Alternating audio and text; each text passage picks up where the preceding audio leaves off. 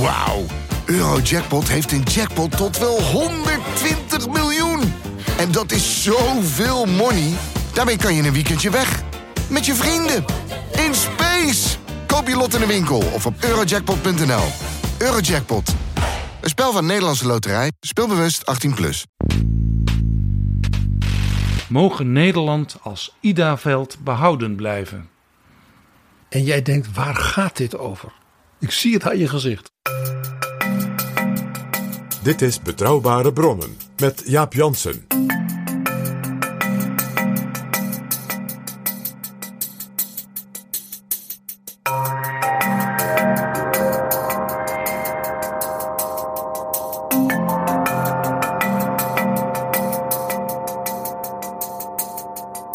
Hallo, welkom in Betrouwbare Bronnen, aflevering 395.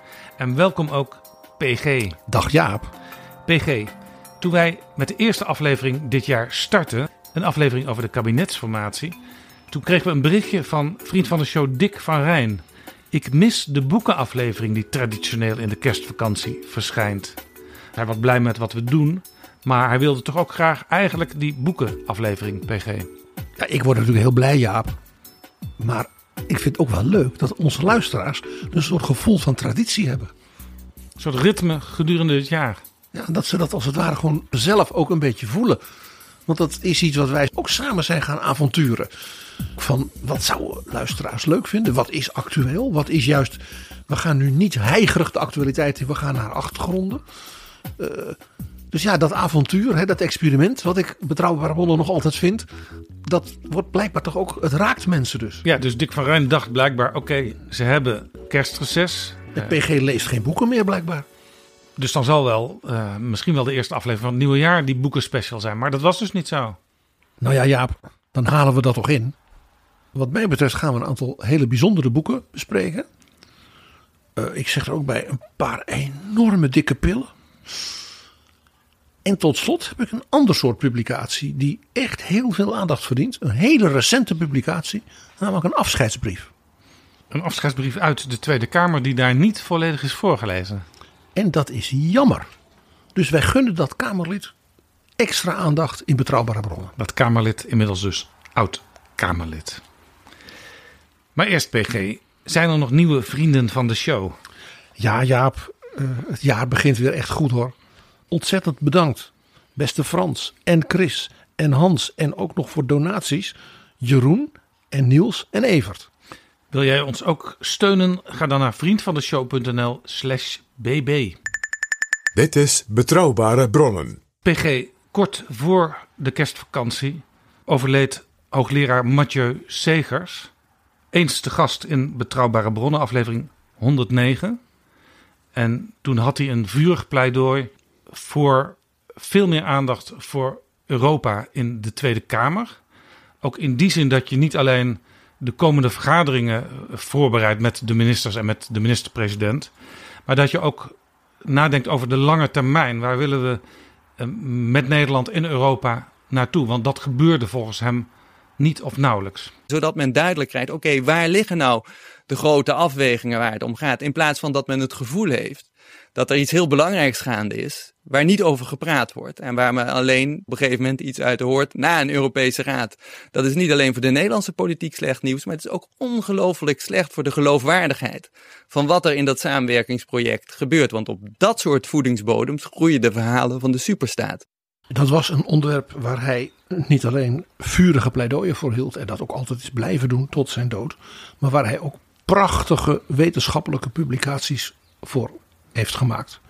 En vlak voor zijn dood verscheen nog misschien wel zijn magnum opus. The Origins of European Integration, The Prehistory of Today's European Union, 1937-1951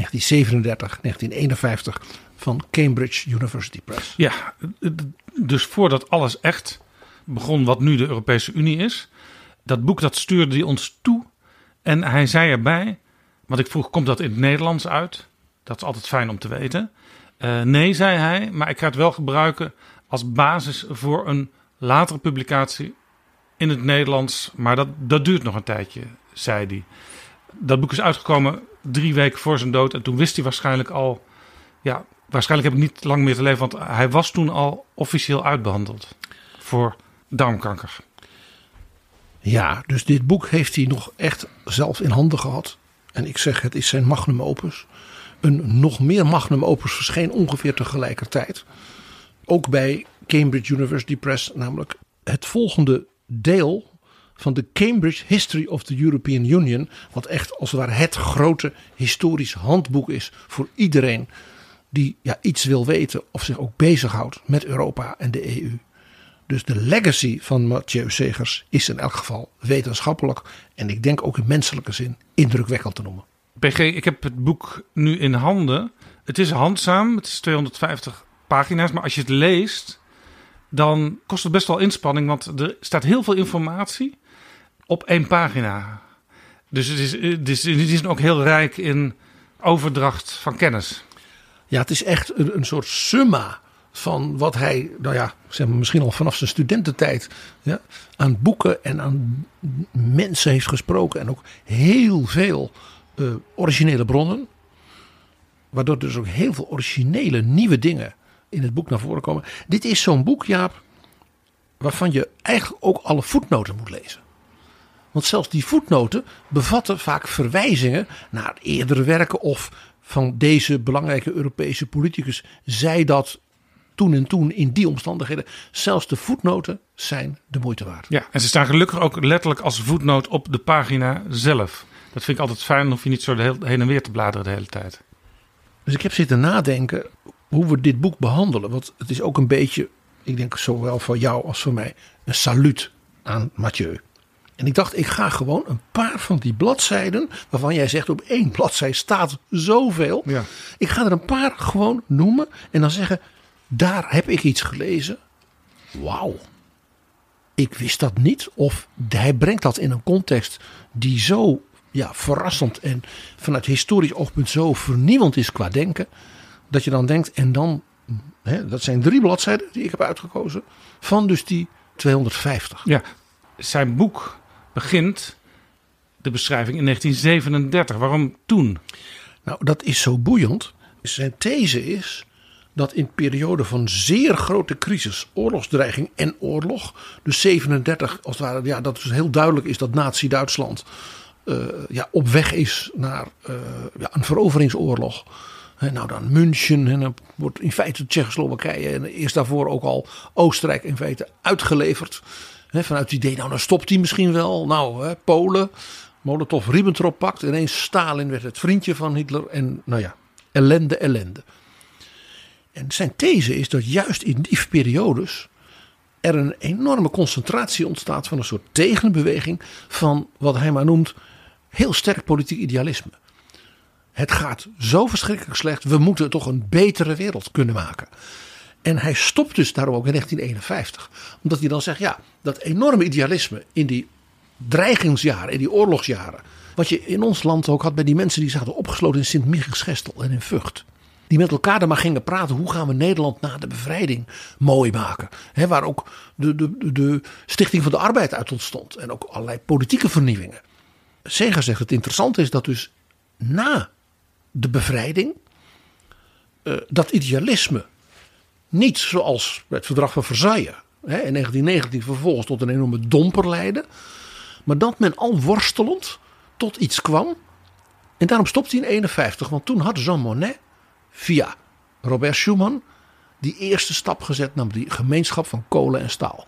dus dat de industrieën die de basis waren geweest van de competitie, van oorlogsdreiging, van uh, militaire uh, materiaal. Dat men die zei, nee, die gaan we gewoon Europees maken. Ja, en natuurlijk heel belangrijk in die periode. Want uh, Europa, het kwam allemaal niet uit zichzelf. Was de steun en de hulp vanuit de Verenigde Staten van Amerika, waar ze zagen, de politieke leiders, uh, wij hebben in de wereld een sterk Europa nodig en daar willen we Europa bij helpen. Ja, de rol van met name de regering Truman wordt in dit boek heel sterk naar voren gehaald. En dat is meer dan alleen het Marshallplan. Hoe belangrijk dat ook is. Het is opmerkelijk hoe, als het ware, de Harry Truman, die eenvoudige herenmode hè, eh, eh, winkelier. Ja. En de mensen om hem heen, hoe visionair die waren. Want die zeiden, wij kunnen als Amerikanen die Europese landen als het ware op een positieve manier onder druk zetten. Van ja, we gaan jullie helpen. Maar jullie moeten dan elkaar en niet alleen jezelf helpen. Dus het was voorwaardelijke hulp. Ja, bijvoorbeeld de Nederlandse regering kreeg de duidelijke boodschap mee. Ja, u kunt wel van alles van ons vragen. Maar als u Jan de Koning en zijn broer Koos en 120.000 jongens laat vechten in Indië. Ja, dan heeft u een probleem. Want dat vinden wij geen goede besteding van je wederopbouwgeld. Nee, nee. In 1951 de EGKS, in 1957 natuurlijk het eh, eh, verdrag eh, op basis waarvan nu nog steeds alles eh, functioneert in de Europese Unie. Dat was misschien wel net op tijd, want Segers schrijft ook in zijn boek dat op een gegeven moment de belangstelling vanuit Amerika weer eh, verflauwde. Ze hadden natuurlijk zelf wereldwijd ook allerlei problemen die ze moesten bekampen. Ja, het- Marshallplan was voor een beperkt aantal jaren. En de voorwaarden voor jullie moeten het wel zoveel mogelijk samen doen. Nou, dat, dat lukte heel aardig. Daar speelde natuurlijk ook de oprichting van de NAVO. Nu precies 25 jaar geleden. In 1949 een hele belangrijke rol bij. Maar ja, de Amerikanen hadden ook zo zoiets. Ja, een land als Engeland, een land als Frankrijk, een land, zelfs dat nieuwe Duitsland met Adenauer. Ja, nu moeten jullie zelf gaan lopen. We blijven niet hè, voortdurend eh, het handje vasthouden. Ja, En daarom was zo belangrijk dat dus die Europese landen dat probeerden. En dat dus eh, mensen als Jean Monnet ja, de brieën hadden om dus mechanismen te bedenken en instituties te bedenken. Die dat als het ware volhielden. Dat Ja, het dus niet ja. een tijdelijk stroomvuurtje was. Dan hebben we geld van de Amerikanen en daarna is het weer weg. Ja, dat Europa is economisch een succesverhaal gebleken.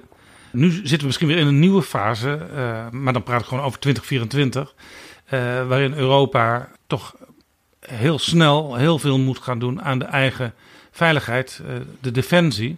Want dat lieten we altijd aan de Amerikanen over. En dat deden de Amerikanen uiteindelijk ook altijd voor ons en met ons. Maar het is de vraag, zeker als straks Trump president wordt, maar ook bij andere presidenten speelt dat al wel in de discussie. In hoeverre blijft Europa eh, die hulp aan ons, die steun in de rug nog geven? Ja, zelfs die vraag komt impliciet in dit ook daarom zo belangrijke boek aan de orde. Maar daar wilde ik mij afronden. Ja. Ik Ja, wou eigenlijk beginnen, als je het goed vindt, gewoon eens een paar van die pagina's uit dit zo rijke boek. Waarvan ik zeg, hé, hey, wat een interessante feiten of ook observatie. Ik begin op bladzijde 166. Ja. Hij noteert op die pagina twee heel verschillende dingen. Die komen dus als het ware in het betoog eh, komen die bij elkaar.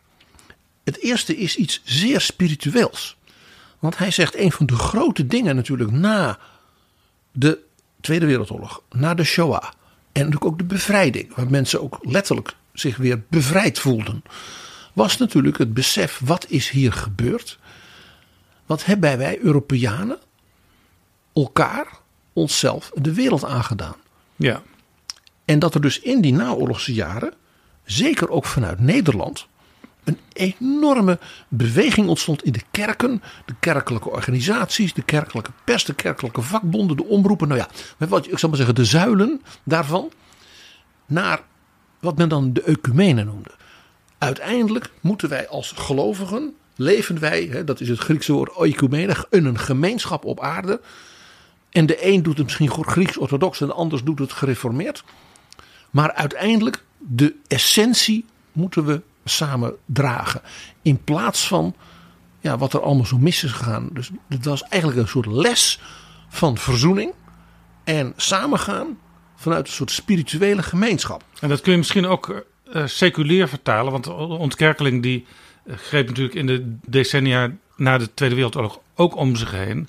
Je kunt ook, ook gewoon zeggen van, eh, ondanks alle verschillen tussen landen, tussen bevolkingsgroepen, tussen regio's in de wereld. Ja, we moeten het wel met z'n allen samen doen. Ja, maar dat is in hoge mate dus geïnspireerd door die ecumenische beweging. Die ecumenische beweging had bovendien ook een hele belangrijke, nog, ik zou bijna zeggen, extra onderafdeling. Dat was natuurlijk van de Duitse kerken, met name dus in de Bondsrepubliek in West-Duitsland. Eh, die kerken hebben zelfs op een bepaald moment een zogenaamde Stuttgarter verklaring gepubliceerd. Na een soort synode in Stuttgart, in Baden-Württemberg. Waarin dus de kerken zich uitspraken over de schuld die de Duitse kerken en daarmee ook iedere Duitse gelovige op zich heeft te nemen voor de Jodenvervolging. En daarmee was het een hele belangrijke stap dus naar verzoening ook weer met de anderen in Europa en ook de andere kerken in Europa. En dat was natuurlijk een hele belangrijke voorwaarde ook weer voor dat men ook politiek zei, de Frans-Duitse verzoening van Adenauer en de Gaulle later ook. En ook dus dat de Nederlanders weer bereid waren ja, hun, met hun buren aan de oostkant ja, toch weer als mensen om te gaan. Ja. Dus hij benadrukt dit grote belang. En het interessante is dat dit natuurlijk ook een stukje Europese identiteit met zich meebracht. want dat heeft ook te maken, had ook te maken met de wortels van wie Europeanen zijn. vanuit het christendom, vanuit de kerken. En natuurlijk een heel belangrijk punt, wat als het ware daarna kwam. En dus een enorme extra impuls gaf. Was dat natuurlijk in 1958, toen dus die wereldraad van kerken en die ecumene als het ware was gaan bloeien. Dat toen die boerenzoon, de aartsbisschop van Venetië, paus Johannes de 23e werd. Van iedereen dacht, ach die is twee, drie jaar paus, een oude baas. Hè? En dat bleek een enorme uh, uh, gedreven vernieuwer te zijn. Die zei, de katholieke wereld heeft nodig een aggiornamento in het Italiaans. Oftewel, laat het buitenlicht binnenkomen. Zet de ramen open. Een soort great reset. Ja, nou zeg Jaap. En hij zei dus, we gaan een concilie doen. Het Vaticaans concilie waarbij dus kerken uit de hele wereld, uit Afrika. Die moeten elkaar, want wij leven nu in een nieuwe wereld. En wij moeten daar als gelovigen dus ook een nieuwe blik op hebben. En ook een nieuwe antwoorden op hebben. Dit was dus van grote betekenis voordat de Europeanen, ook in hun civil society, hè, bereid waren weer met elkaar ja, zich te verzoenen en samen te gaan ja, uh, dit is 60, 70, 80 jaar geleden uh, toen dit zich afspeelde. Op bladzijde 208 schrijft uh, Segers ook iets over de politieke kant van dit verhaal. Want daar heeft hij het over de historische missie van de Christen-Democraten na 1945. Ja, want hij wijst erop dat dus deze hele diepe verzoeningsbeweging en ook dus het schuldbesef daarbij, dat dat zich politiek vertaalde in dus een heel nieuwe ja, politieke familie die wij nu nog kennen, namelijk die van de christendemocratie. De grote partijen daarvan in de Europese geschiedenis, zoals de Duitse CDU en de CSU, de Italiaanse Democratia Christiana, zijn allemaal partijen van na 1945. Ja. Die zijn heel bewust opgericht, als het ware als onderdeel van die verzoeningsbeweging. ook in eigen land, is maar vervolgens ook Europees. Ook met het CDA in Nederland, wat natuurlijk ook een, uiteindelijk een fusie is geweest van verschillende stromingen. Ja, in Nederland heeft als het ware dat zich verlaat vertaald in het verlaten van die zuilen.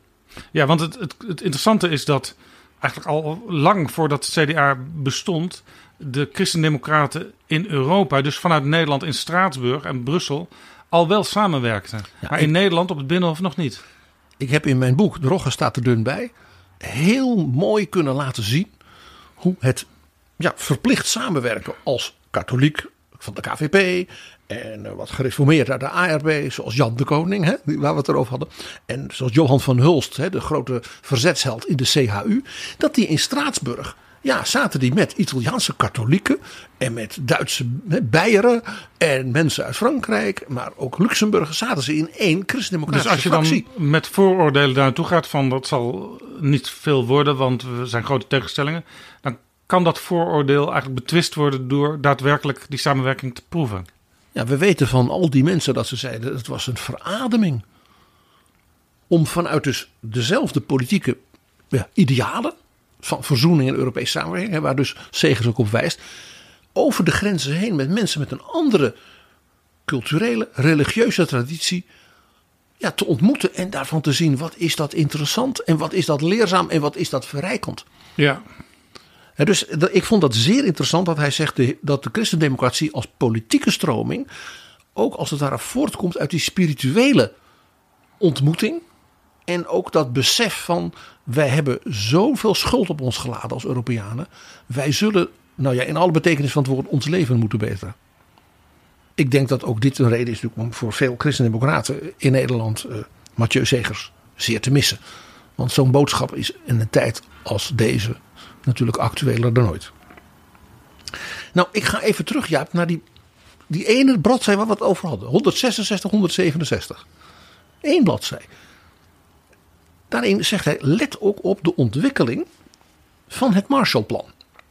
Dat Marshallplan was tijdelijk.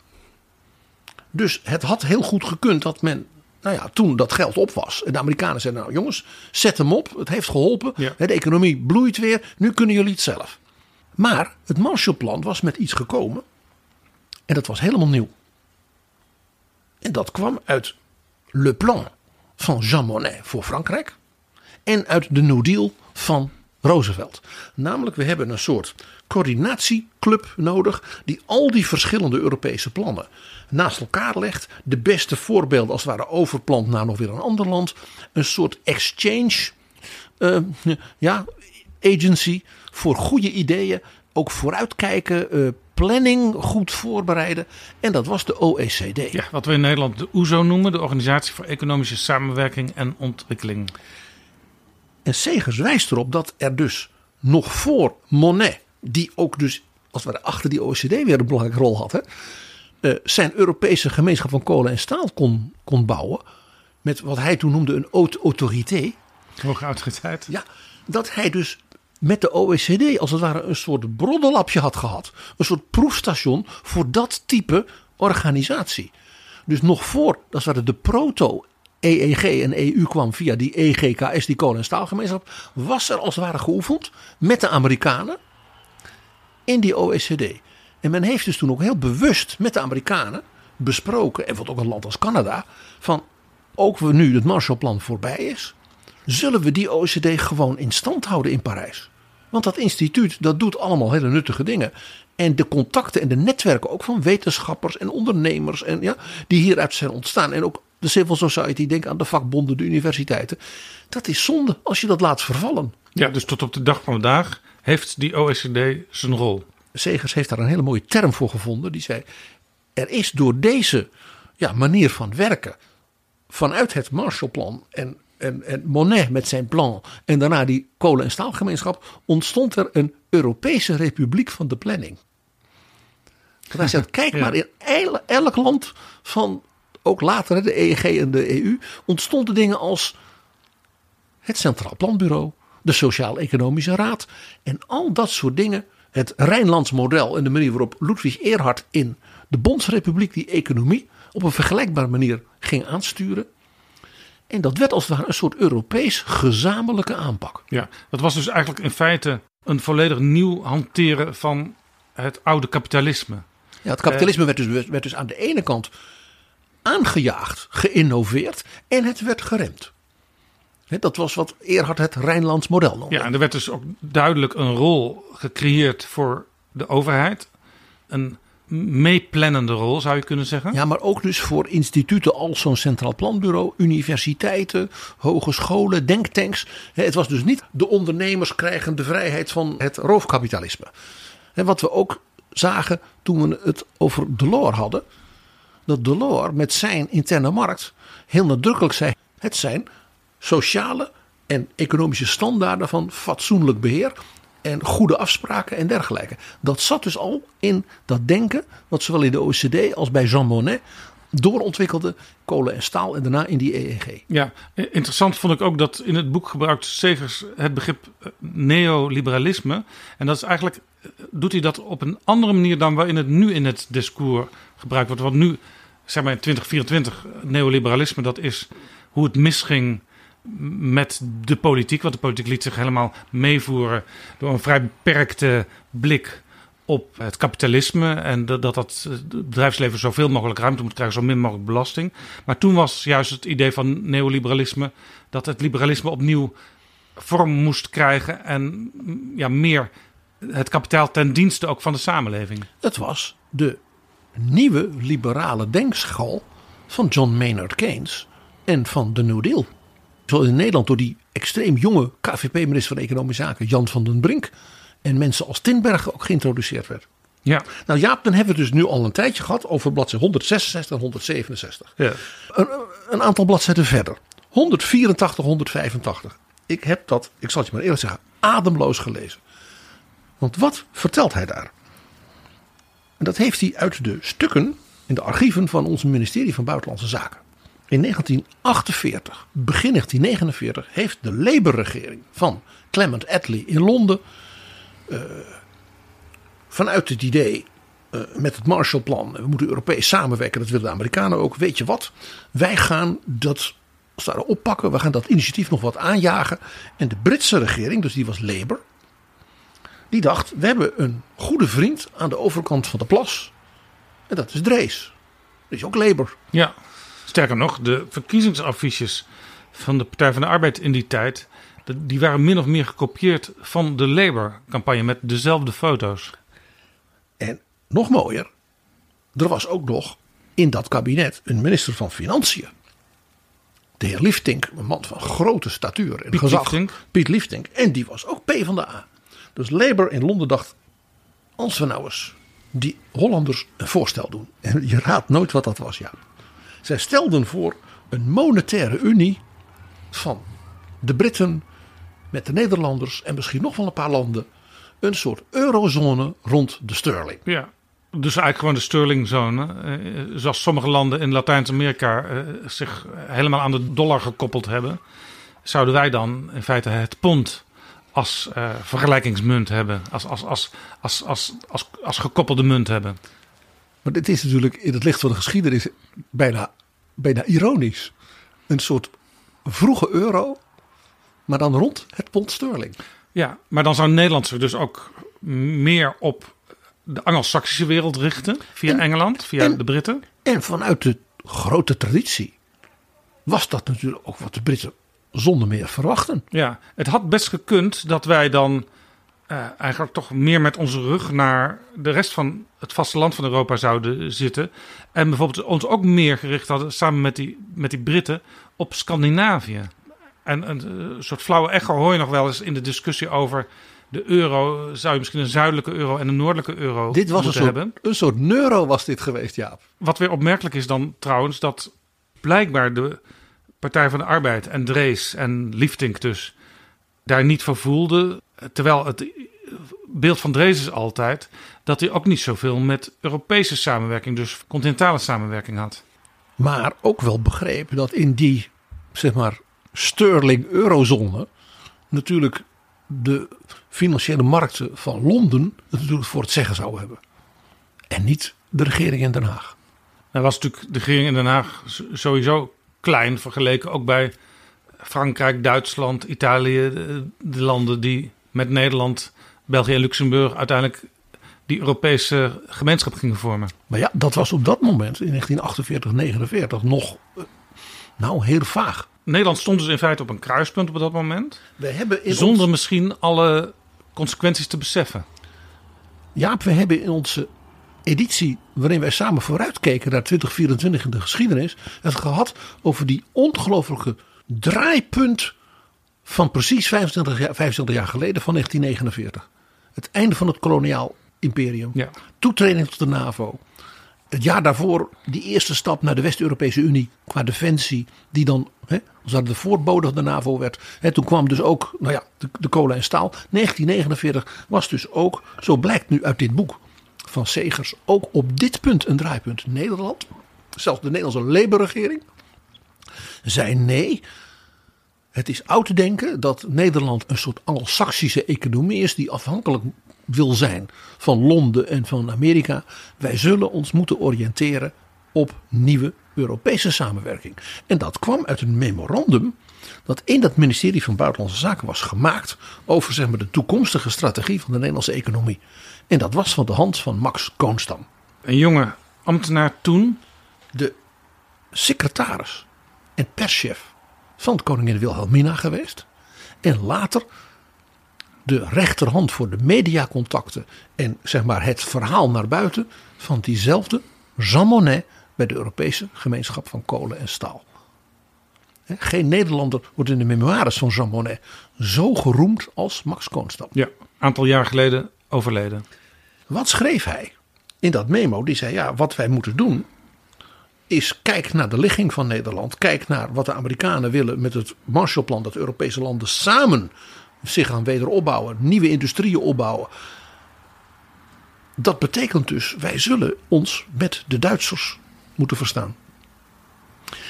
En het vorige punt uit het boek, namelijk het grote betekenis van dat spirituele verzoeningsstreven, vertaalde zich hiermee dus ook in gewoon economische conclusies.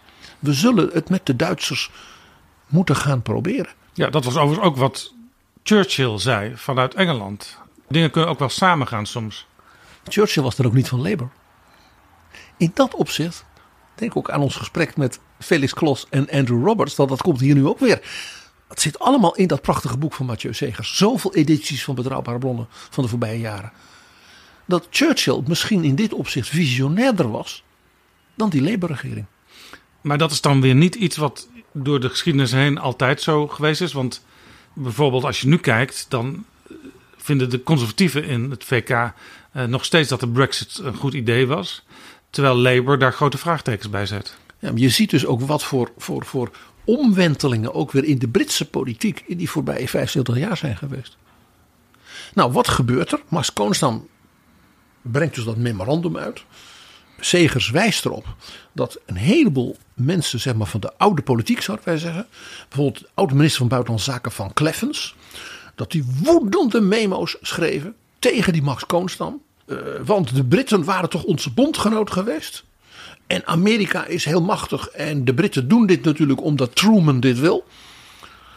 Maar Liefdink hield vol. En toen gebeurde er nog iets. Er trad natuurlijk voor het eerst een democratische gekozen regering in Duitsland aan. Onder leiding van de oude, stokoude Konrad Adenauer. Ja. En die had een minister van Economie. En ja, die wordt in Duitsland de, hè, der vader des Wirtschaftswunders genoemd. Ludwig Erhard. Een van de eerste dingen die Erhard als minister van Economie. en dus in feite de chef van de wederopbouw van Duitsland. Dat was in september 1949. Hij was dus nauwelijks een maand minister. Was een aanbod te doen aan de Nederlandse regering voor een soort vrijhandelszone. Een bilateraal akkoord tussen Nederland en Duitsland. Want hij zei: wij zullen voor die wederopbouw in Duitsland zoveel spullen, ook door het, het Marshallplan, uit Amerika, uit Engeland, uit de hele wereld. En dan is Rotterdam ook een structureel punt in dat verhaal. En als wij dus allemaal ingewikkelde regelingen hebben met tollen en met tarieven en douane en hoe meer wij vlot met Nederland, bijna zonder belemmeringen, een soort interne markt van de wederopbouw kunnen bouwen, hoe beter het is voor de wederopbouw van Duitsland. En zo werd dus de Nederlandse economie als het ware meegesleurd vanaf 1949 met dus dat Wirtschaftswunder. Om een idee te geven, uh, Segers wijst erop dat Nederland tot dan toe een negatieve balans had op de handel met Duitsland. Dus in die naoorlogse jaren uh, betaalde Nederland meer voor Duitse producten, moet je nagaan, dan de Duitsers uit Nederland importeerden.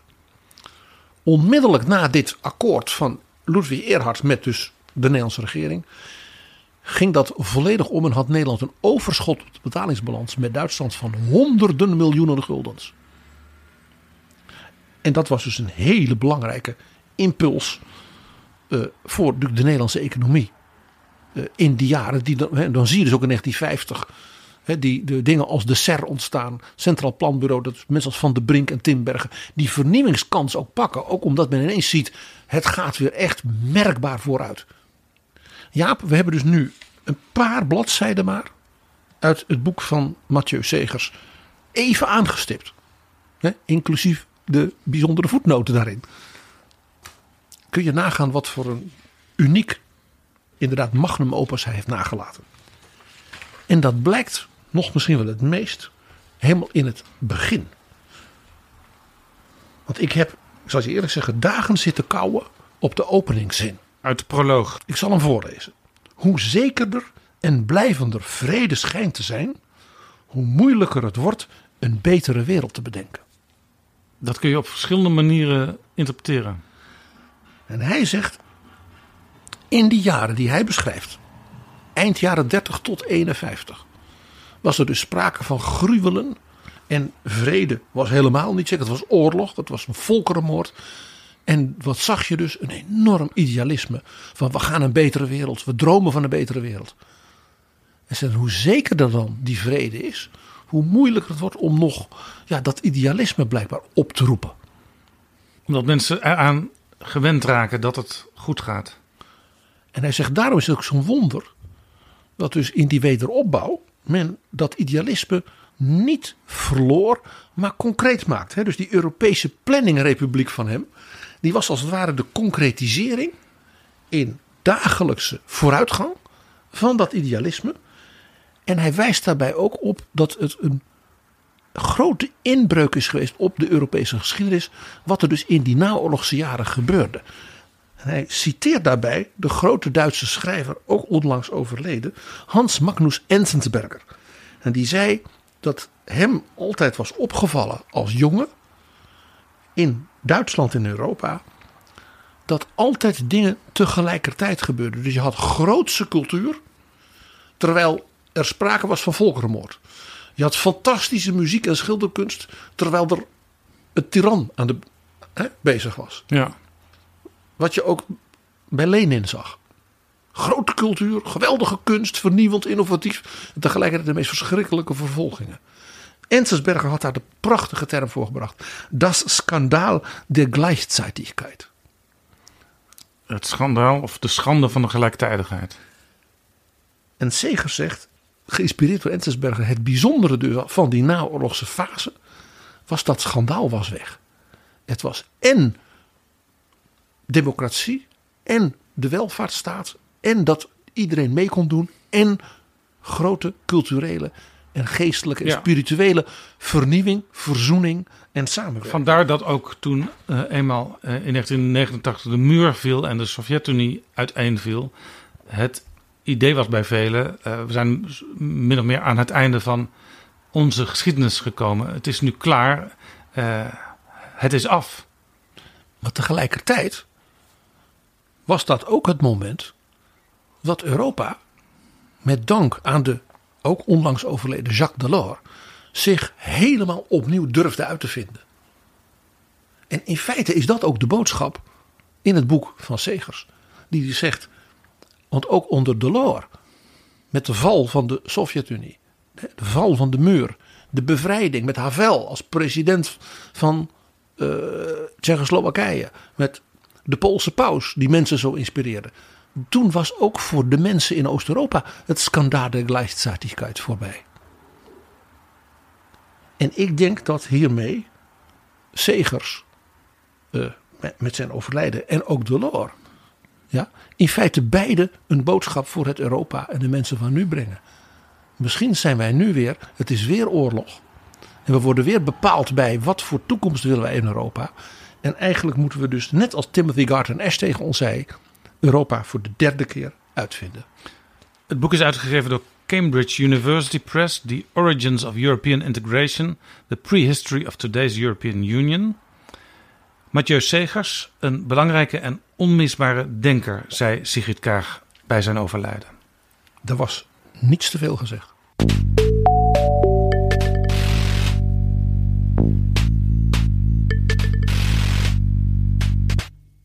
PG, een boekenspecial. Wat is het volgende boek wat je wil bespreken of aanstippen? Ja, ik wil het kort doen, want het is eh, zo'n enorm boek. Dat, eh, anders zijn we twee uur verder, dat moeten we niet doen. 528 pagina's. Ja, het is geweldig. Eh, en het past helemaal bij Segers.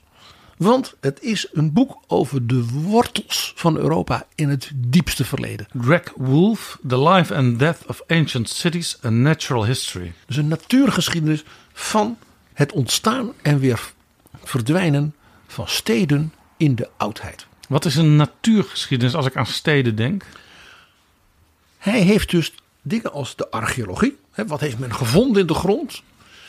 In combinatie met wat weten we biologisch uit die tijd? Wat weten we van het klimaat? Wat weten we van eh, het verkeer, de mobiliteit? Wat aten de mensen?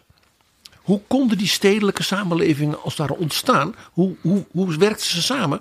Ook bijvoorbeeld met het omgevende platteland. Waar kwam het eten vandaan? Ja, dus, dus het ontstaan van steden, eh, het bestaan van steden en soms ook het weer verdwijnen van bepaalde steden. Ja, wat het heel interessante van dit boek is dat hij als het ware komaf maakt Met het gebruikelijke beeld, wat wij natuurlijk als Europeanen allemaal uit de schoolboekjes en zo hebben. Jaap, ik zeg het heel kort en licht ironisch. We weten hoe Europa is ontstaan. Je had de stad Jeruzalem. Hè, daar kwam als ware de grote religieuze eh, cultuur van. Dan had je Athene. Dat was democratie en de Griekse vrijheidsgedachte en de kunst. En dan Rome, het imperium. Ja, dit is een beetje het schoolboekenverhaal. En hij laat dus zien dat dat uiteindelijk wel, als we Europa ging bepalen. Maar dat dat dus een soort mythologie is die de Europeanen zichzelf cadeau hebben gedaan. Bijvoorbeeld dat een stad als Jeruzalem in feite een relatief kleine regionale plek was. In een imperiaal Midden-Oosten met steden als in Mesopotamië en Egypte. Die reusachtig waren met hele grote imperia. Die vervolgens weer helemaal verdwenen. Alexander de Grote die met wat is het? 30.000 jongens oversteekt. En het allergrootste imperium van die tijd. Van de Perzen. Volledig veroverd. In drie jaar. Ik las een stukje in The Spectator uit 2020. Dat was de tijd dat Boris Johnson premier van het Verenigd Koninkrijk was. Daar wordt dit boek besproken door Harry Mount. En die schrijft: Today, half of us live in them, in cities. But why exactly? The Prime Minister once said it was because there are more fucks in the city. Statistically, Boris Johnson must be right. But if you're looking for a longer argument, this is the book for you. Nou, Boris, Johnson, ja, heeft nu alle tijd om dit boek te lezen, zou ik zeggen. Dat geldt ook voor uh, de luisteraars van Betrouwbare Bronnen. Het is werkelijk fascinerend. Eén detail uit dit boek.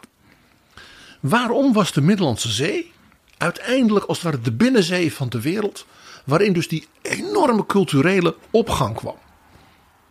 Terwijl dus die steden begonnen in Mesopotamië. Ja, dus niet aan in de kust. Egypte. Niet aan de kust. En in de Indusvallei in India.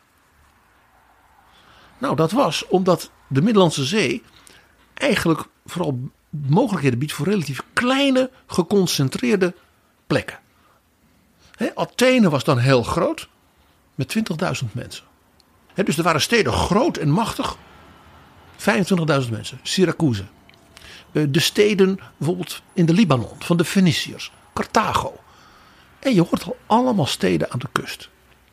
En dat was omdat men op de Nijl, op en neer varend in het oude Egypte iets had ontdekt.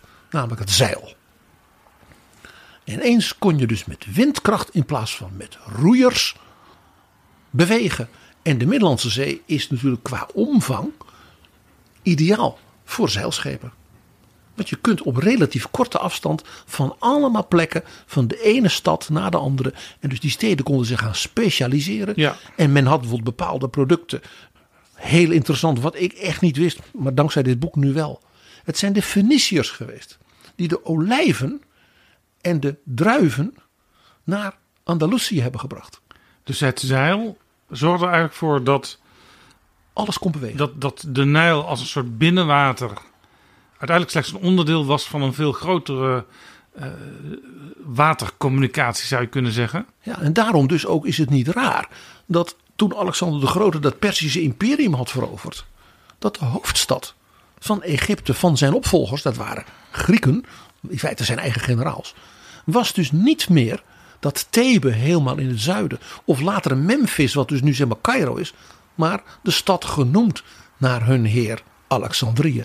Want dat was waar de Nijl in die Middellandse Zee kwam. En dat kon dus ineens een hele grote havenstad worden. Dus dankzij het zeil en de specialisatie van dus die allemaal kleine stadjes aan de kust ontstond er een soort enorme ja, mediterrane community van steden. En die gingen op een bepaald moment allemaal Grieks praten. Want dat was wel echt heel handig. Dus het idee van dus die Griekse cultuur heeft mede daarmee te maken. Eén detail, Jaap, en dan stop ik bij dit boek, want het is zo rijk.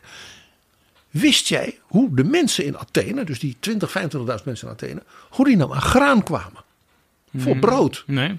Dat kwam niet uit het Griekse platteland, want Griekenland is natuurlijk heel droog en is niet heel vruchtbaar. Er waren havens, Griekse havens, op de Krim. Dus bij Oekraïne. En die hadden dus een heel handelscontact langs die grote rivieren, waar we het nu vaak over hebben, de Dnieper en de, ja, naar dat enorme vruchtbare Zuid-Rusland en Oekraïne. En het graan daarvan werd dus met schepen via, van de Krim naar Athene gebracht. En dan ineens denk je, oh, maar nu snap ik waarom dus de hoofdstad van het Griekse deel van het Romeinse Rijk, Constantinopel, precies op dat ene plekje is waar je die, waar je die handelsroute zou kunnen afknijpen op de Bosporus. Ah. Dus als je daar als je fort hebt zitten, dan kun je tol heffen. Dan heb je greep op de belangrijkste handelswegen van dat oosten van de Middellandse Zee. Ja, en je kunt er zelf optimaal gebruik van maken. Dus wat we nu beleven met in Oekraïne, met de Krim. En ook weer hoe de Oekraïners hè, met hun drones die schepen van Poetin naar de bodem van de zee jagen. Dat is verbonden met het verhaal over hoe de Atheners, zeg maar 450, 500 voor Christus, brood hadden. Greg Wolf, The Life and Death of Ancient Cities and Natural History. En in de beschrijving van deze aflevering staan links naar alle boeken die we bespreken.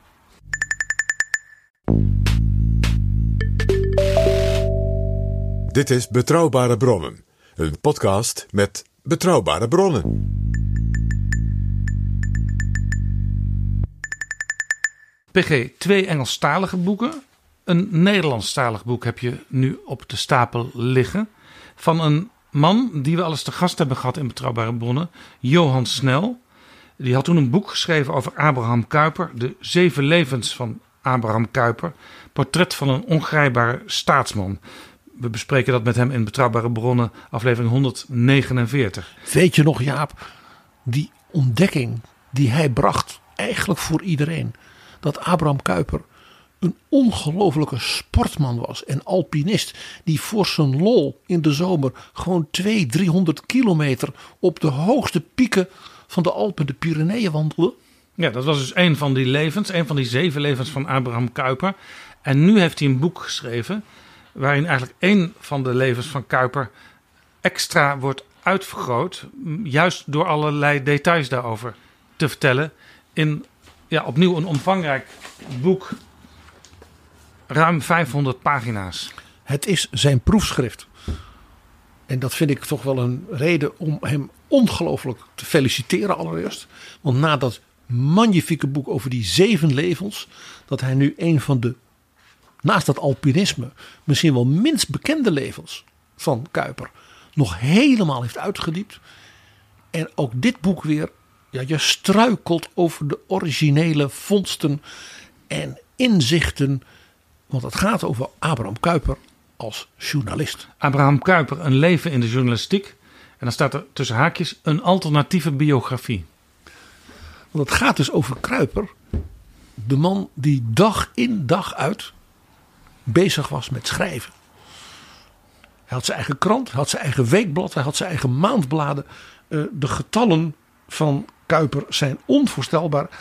Johan Snel heeft rekensom gedaan en komt tot de conclusie dat hij voor dat dagblad en dat weekblad van hem, de Standaard en de Heraut, 10.000 artikelen heeft geschreven en 17.000 drie starren, dus korte, puntige commentaren. Hij schreef ook toen hij minister-president was, gewoon stiekem, elke ochtend in feite zijn eigen kranten vol. Ja, dat ontkende hij trouwens. Hè? Ja, Hij zei: Ge begrijpt, sinds mijn aantreden als minister gaat de inhoud van de standaard buiten mij om. Dat spreekt vanzelf. iedereen in Den Haag, ja, iedereen in Den Haag, die zei dat is toch wel heel bijzonder. Dan hebben ze dus een nieuwe, blijkbaar, auteur gevonden voor die krant. Die alle dagen artikelen en die puntige commentaren. En de stijl van die auteur lijkt toch zo enorm op die vorige stukken van toen Abraham Kuyper nog geen minister-president was. Ja, en in die stukken, in de krant en in dat weekblad, stond ook vaak eh, heel afstandelijk: Dr. Kuiper eh, heeft dit, of Dr. Kuiper zal eh, waarschijnlijk bedoelen daarmee dit. Terwijl hij dat dus allemaal zelf schreef. Ja, ook dat wist iedereen.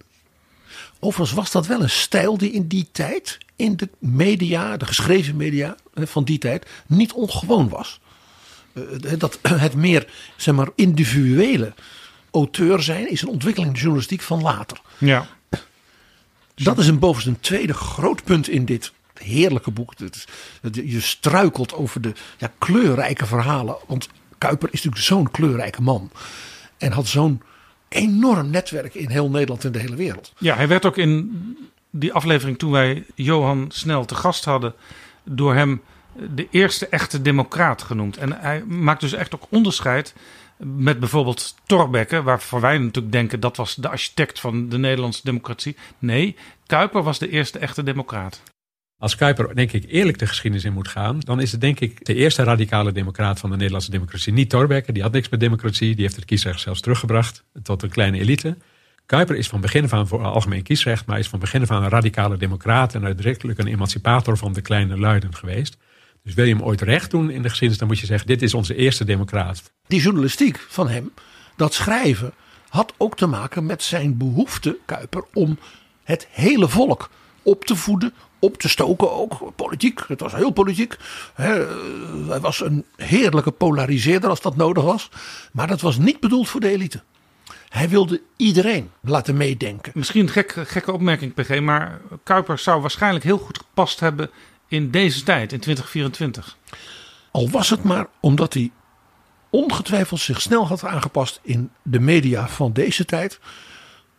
Met bijvoorbeeld zijn vermogen tot briljante en puntige one-liners. De, de man was in dat opzicht ongelooflijk modern. En dat blijkt ook weer uit dit boek. Heel interessant. Hij is bijvoorbeeld de grote aanjager geweest van de professionalisering van de journalistiek. Hij zei: een journalist heeft een hele verantwoordelijke rol, moet ook een eigen ethiek hebben. En hij zei dat is een ethiek van de professie. Dus hoezeer hij ook zelf dus van de, de gereformeerde, hè, wat in die tijd christelijke politiek werd genoemd.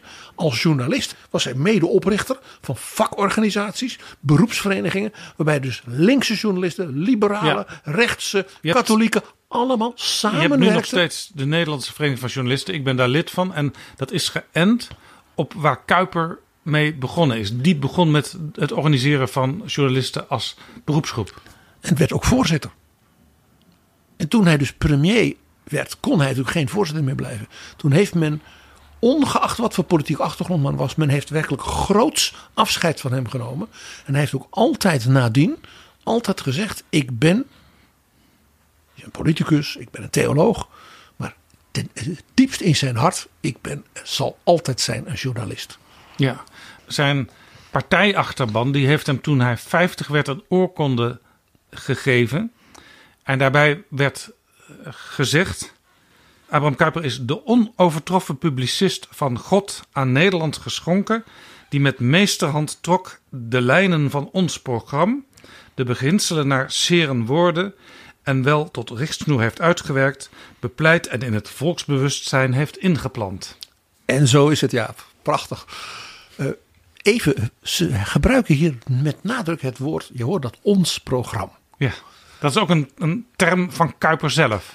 Jazeker, want Kruiper heeft voor zijn politieke partij, de antirevolutionaire, een van de voorgangers van het CDA, een boek geschreven over wat zijn nou dus de fundamentele politieke beginselen vanuit zijn opvatting van zeg maar, het politieke christendom. En dat boek dat heet Ons Programma. Ja. En weet je hoe die dat heeft geschreven?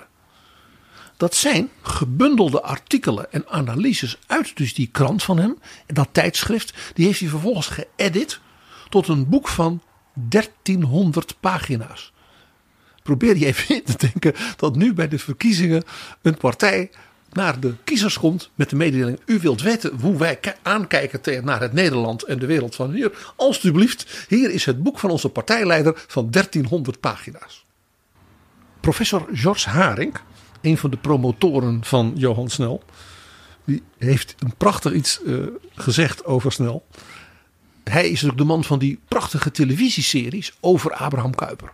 Ja, Weet je, zijn reis door het Midden-Oosten ja. en zijn reis door Amerika. ja. En langs de Middellandse Zee. Ja. Ik lees voor. Ik dacht altijd dat ik wel wat van Kuiper wist. Maar jij verrast hoofdstuk na hoofdstuk met nieuws over hem. Met je proefschrift verandert je het Kuiperbeeld ingrijpend. En nou ja, dat is dus, dat vorige boek deed dat al. Hè, met Kuiper als alpinist en Kuiper als ja, wat hij allemaal nog meer deed. Hè, oprichter van een universiteit, eh, een eigen kerk, afsplitsing, een politieke partij. Maar dit boek geeft die mediakant ervan en dus ook die enorme moderne kant van hoe hij politiek en media bedreef. Nog weer een heel nieuw beeld. De dochter van Abraham Kuyper werd ook journalist. Ja, dat is heel interessant. Hij vond dus ook dat vrouwen, dat in die tijd Jaap, vrouwen natuurlijk ook journalist konden zijn. Dus toen hij organiseerde bij de inhuldiging van koningin Wilhelmina in 1898 dat de hele wereldpers natuurlijk naar Amsterdam moest komen. Hij heeft met dus die vereniging van journalisten die hij had een soort ontvangstgebouw laten neerzetten tijdelijk.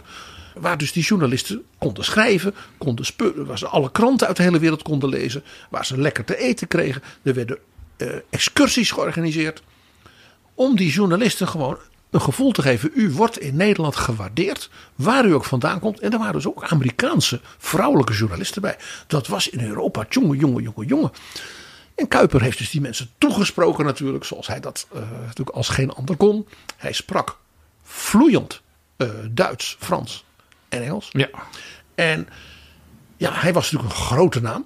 Hij reisde natuurlijk ook door Amerika om de, de uit Nederland gekomen pelgrims daar, die zich daar genesteld hadden, ook daartoe te spreken. Ja, dus hij, hij heeft daar heel veel preken gehouden. Maar in Princeton heeft hij aan de universiteit een hele lezingencyclus, dus in het Engels, over zijn theologische opvattingen ge gehad.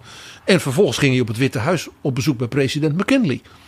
Dus het was ook echt een wereldburger in dat opzicht. Voor een Nederlandse premier van een man uit de 19e eeuw natuurlijk echt iets heel bijzonders. Ja. En dat merk je dus ook in die journalistieke kant.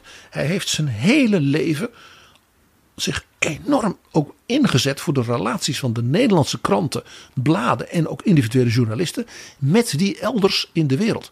Zo organiseerde hij bijvoorbeeld een excursie met een heleboel journalisten. Elke keer als er in Parijs dan weer zo'n wereldtentoonstelling was. Want die zei, daar moet je heen. Want je moet kijken wat er in de wereld gebeurt. Je moet dus met die mensen die daar allemaal bij elkaar komen contacten leggen. Je moet daarover schrijven. Het was dus een enorme aanjager dus van de kwaliteit.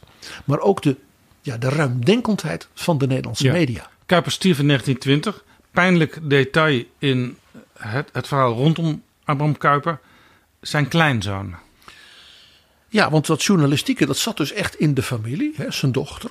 De zoon van een van zijn andere kinderen was ook journalist. En eh, werd, gegrepen door eh, het fascisme. En later ook door het nationaalsocialisme. En werd verslaggever voor de nazi-pers in Duitsland en in Oostenrijk. En dan ook vertaald in Nederland. En is gesneuveld aan het Oostfront op de Krim. Johan Snel, Abraham Kuiper, een leven in de journalistiek. Een alternatieve biografie is uitgegeven door Boom. Lees dit boek. Geniet ervan. PG, de kleinzoon van Abraham Kuiper, sneuvelde op de Krim. Ja, en via de Krim komen we nu weer in Rusland. Want je hebt een boek nu bovenop je stapel van Stefan Kotkin over Stalin. En Stefan Kotkin eh, die schrijft natuurlijk een serie over Stalin. Dikke boeken. Ja, ik heb deel 1 en deel 2 van de geplande 3, want die zijn uit. En dat loopt tot het begin van de oorlog, waar dus die kleinzoon van Kuiper als natieverslaggever sneuvelt aan het Oostfront tegen het Rode Leger. En de aanvoerder van dat Rode Leger, de grote, de worst, dat was natuurlijk Jozef Stalin. Ja, En Kotkin heeft nu twee boeken gepubliceerd over, over Stalin. Dat is een grote biografie. Als ik nu tegen jou zeg, Jaap, deze man is de Robert Caro van het Kremlin, dan begrijp jij wat ik bedoel. ja. Robert Caro is natuurlijk de, degene die alles schrijft en weet in zijn dikke boeken over LBJ, Lyndon Baines Johnson. En waar ook nog steeds gewacht wordt trouwens op het, eh, het, het laatste deel van zijn cyclus. Daar wachten wij ook op. En deze boeken over Stalin doen daaraan denken. Want ze zijn ook een portret van zo'n larger than life, self-made man in de politiek. Het is onthullend, het is adembenemend, het is ook wreed. Maar een volkomen fascinerende persoon in natuurlijk een periode van grote omwentelingen. Wij zien hem altijd als een enorme bruut, hè, Stalin. Dat was hij ook. Maar hij was zoveel meer. Ja, maar Kotkin die, die, die beschrijft hem ook als een echte intellectueel. Als een intellectueel met een eh, zoals dat, chip on his shoulder. Precies zoals LBJ, die zijn hele leven er gebukt onder ging. Dat hij maar een soort pabo had gedaan omdat zijn ouders te arm waren in Texas. En dat die Harvards, zoals hij dat noemde, dus de Kennedys en al die briljante, hè, slimme figuren rond die Kennedys op hem neerkeken. Stalin had precies hetzelfde. Stalin heeft altijd gevoeld dat Lenin als een soort toch feodale gestudeerde jongen op hem neerkeek. Ja. Stalin had een hele arme jeugd. In het kleine stadje Gori en in de grotere stad Tbilisi en Georgië. Zijn vader was een schoenlapper en hij zou ook schoenlapper worden. Maar zijn moeder, die had een neef of een oom. En die had ja, geld. En die was bereid om voor Josif Djugashvili, want dat was zijn achternaam, te financieren dat hij kon leren. Hij werd ontdekt daarbij vanwege zijn prachtige zangstem. Ik heb het verhaal wel eens verteld. En dus kon hij naar het priesterseminarie in Tbilisi. Daar speelt nog iets en dat blijkt dus nu, dat was een heel nieuw inzicht dankzij dit boek van Kotkin. De tsaar had namelijk vastgesteld, universiteiten, die mochten er natuurlijk zijn in Rusland, want dat was nodig. Maar er waren natuurlijk broeinesten van, van, van rebellie. En jonge kerels die eh, allemaal boeken gingen lezen. En nou ja, denk ook aan Tsaar Nicolaas I, de inspiratiebron van Poetin. dat Westen en al die nieuwe ideeën buiten de deur houden. En dus was besloten dat niet-Russische delen van het Rijk, zoals Georgië, geen eigen universiteiten mochten hebben. Oh. Dus je kon alleen naar de universiteit als je dus in Rusland, in het Russische deel van het grote imperium van de tsaar, werd toegelaten. Want dan was er meer greep op de studenten. Precies.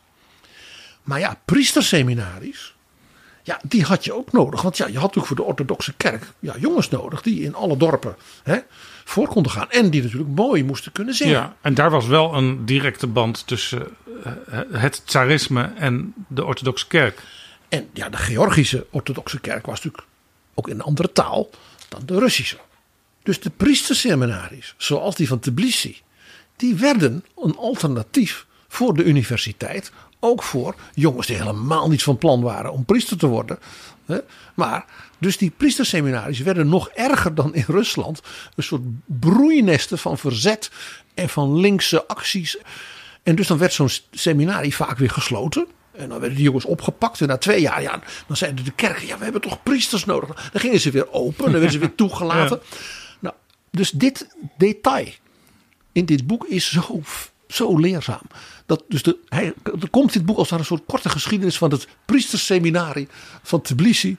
Want alleen dan ga je de jeugd van Stalin begrijpen. Waarom hij dus in een priesterseminarie een dus fanatieke linkse rebel werd. En uiteindelijk een marxist. Maar het is ook interessant dus, dus wat eigenlijk eh, de tsaar en zijn mensen wilden tegengaan. Dat hebben ze juist bevorderd door universiteiten in niet-Russische uh, lidstaten van het Russische Rijk te verbieden. Ja, ze maakten dus die Russische universiteiten, zal ik maar zeggen, nog meer het centrum van het verzet tegen de tsaar door de Russen. En maakte dus die alternatieve opleidingen de brandhaard. Omdat die jongens daar, zoals in Georgië Stalin, de pest in hadden. Dat ze niet naar de universiteit mochten. Nou, dan gaan we aan dat priesterseminarie eens even flink uh, ja, de zaak opstangen. Nou, van priesterstudent. Hij is natuurlijk meerdere keer van de, het seminarie weggestuurd. En je, ziet al, je begrijpt het wel. Uh, hij werd uiteindelijk uh, bandiet en bankrover. En hij organiseerde dan opstanden van arbeiders in Baku, in Batumi. En allemaal plaatsen die we natuurlijk nu uh, uit de Caucasus kennen. En het meest beroemd werd hij. En werd, ook ontdekt toen door Lenin. Door een overval op de Nationale Bank van Georgië in Tbilisi. In 1907. Dat was zo'n ongelooflijk succesvolle bankroof dat Lenin zelfs de daar geroofde bankbiljetten gebruikte om allerlei rekeningen die hij had in Wenen te betalen. Dus die bankrover die deze eh, ja, enorme eh, aanval had voor elkaar gekregen. Ja, dat was wel iemand uh, die moest die bankrover die deed dat ook, Stalin, in dienst van, Hij deed van de dat revolutie. Ja, hij deed dat om dus de partij en Lenin aan voldoende geld te, te helpen. Eh, want Lenin woonde natuurlijk luxe hè, in eh, Europa. En ja, die had zo zijn, eh, zijn uitgaven. Die werden dus betaald, Jaap, met bankbiljetten. Waarvan hij dus voorzichtig probeerde daarmee te betalen. Want ja, ze waren natuurlijk wel genoteerd. Ja. Dus als de tsaar nou hè, aan de keizer van Oostenrijk die nummers had doorgegeven van de gestolen bankbiljetten, dan had hij een probleem. Stalin, eh, je begrijpt het al, is natuurlijk meerdere keren eh, opgepakt. En is uiteindelijk natuurlijk naar een van de aller onherbergzaamste streken van Siberië gestuurd. Met de allerkoudste strafkampen. Ook dat heeft hij allemaal overleefd. Al heeft hij wel zijn hele leven daardoor. eh, had hij allemaal jicht. En is ook bijvoorbeeld zijn, zijn ene heup was helemaal. deed het niet meer goed. Dus hij had ook moeite met lopen. Heel vaak eh, had hij last van, eh, van bronchitis. En dat waren allemaal gevolgen van zijn tijd in Siberië. Het gekke was dat die gevangenis en die strafkampen hadden een ja, opvallend, opvallende impact op Stalin. Het werd zijn universiteit. Stalin heeft in die gevangenissen en waar hij ook zat, zijn hele leven zich helemaal te pletter gelezen. Dus de gevangenisbibliotheek die was welkom. Hij, hij liet boeken sturen. Eh, het was heel opmerkelijk. Hij was dus in dat opzicht een klassieke autodidact. Hij las ook echt alles. Want hij bleef, ook na zijn studie op het seminarie, zeer geïnteresseerd in theologie. Dus die bleef gewoon theologische boeken lezen. Maar hij las ook alle romans van moderne schrijvers. En ook klassieke romans. Hij las geschiedenis. Hij las economie. Hij las alles van de grote filosofen. Hij was dol op boeken over techniek. Toen hij later de grote leider van de Sovjet-Unie was, dat blijkt dan in dat tweede deel van eh Kotkin. Het eerste deel loopt tot 1928, als hij als het ware min of meer de alleenheerser in het Kremlin is Ja, geworden. Paradoxes of Power heet dat eerste deel. Het tweede deel heet Waiting for Hitler 1929-1941. In dat tweede deel blijkt bijvoorbeeld dat bij het uitbouwen van die enorme industrie van de Sovjet-Unie, Stalin ongelooflijk deskundig was op alle mogelijke details van de technologie. En het ook leuk vond om ingenieurs en mensen van de ministeries die dat dan moesten regelen, te verbluffen met wat hij allemaal wist aan details. Over, ik zal maar zeggen, het boren van olie en het maken van een, van een, van een stuwdam. En bijvoorbeeld een heel beroemd verhaal is dat er was een jonge ingenieur die een heel moderne soort vliegtuig had ontworpen voor de luchtmacht. En daar was heel gedoe over op het ministerie van Defensie. Zijn we daar nou voor of zijn we daar nou tegen? En dat was, waarop Stalin zei, laat die maar eens bij mij komen. Stalin heeft dus met die jongen gepraat, met dus mensen van dat ministerie die het dus met de jongen deels eens, niet, deels niet eens waren. En heeft ze met hem van het lijf gevraagd met alle mogelijke details over het ontwerpen van vliegtuigen. Waar die jongen in zijn, later in zijn memoires van zei, ik wist niet wat ik meemaakte. Hoe, hoe, hoe, kon het dat Stalin dat allemaal in zijn hoofd had zitten? Had hij fotografisch geheugen? Dat is de conclusie, ja. Een ongelooflijk geheugen. We weten ook, want zijn boekenverzameling, die gigantisch was in het Kremlin, is natuurlijk bewaard. En daar is natuurlijk prachtig onderzoek naar gedaan, ook door Kotkin, naar wat hij in de kantlijn bijvoorbeeld schreef. Ook in het werk van Lenin. Stalin heeft zijn hele leven, tot vlak voor zijn dood, is hij blijven lezen in het werk van Lenin. Voortdurend, en ook Marx, voortdurend weer blijven denken, wat betekent dit nu? Ja, dus, dus hij is leerling van Lenin. Daar hadden we het in de vorige aflevering van Betrouwbare Bronnen over. Dat wordt ook wel bewezen uit dit onderzoek naar zijn bibliotheek. Ja, de, de, de, de boeken van Kotkin zijn wat dat betreft een heel mooie illustratie daarvan. Hoe voortdurend hij ook uh, in het Centraal Comité, in het Politbureau en op partijcongressen en andere bijeenkomsten voortdurend bezig was weer uit te leggen. Ik doe dit vanuit Lenin. He, het is als het ware gelegitimeerd doordat ik Lenin en zijn denken en Marx als het ware nog weer een stap verder breng. Heel opmerkelijk. Stalin was dus een hele erge ideoloog. Misschien zelf wel meer dan Lenin zelf. Wat hij ook was, en dat was natuurlijk de basis van zijn macht. Eh, ook in die tijd dat Lenin nog de grote leider was. En zeker toen Lenin natuurlijk heel zwaar ziek werd. Was een geniale bureaucraat. Iemand die zoals hij alles leest, alles onthoudt, alles ziet. Ja, is natuurlijk als chef hè, van het partijsecretariaat natuurlijk ideaal en ook gevaarlijk. Hij bouwde dus een enorm apparaat op als secretaris-generaal van de partij. Waardoor hij als het ware vanuit de partij ook alle ministeries en zeg maar, het hele staatsapparaat stuurde. Want de partij was de staat. Ja. Maar door te zeggen, ik ben secretaris-generaal. Hij was in feite, hij deed net alsof hij alleen maar een soort iemand was die de zaken regelde. En de notulen bijhield en de notities, eh, hè, dat alles goed klopte.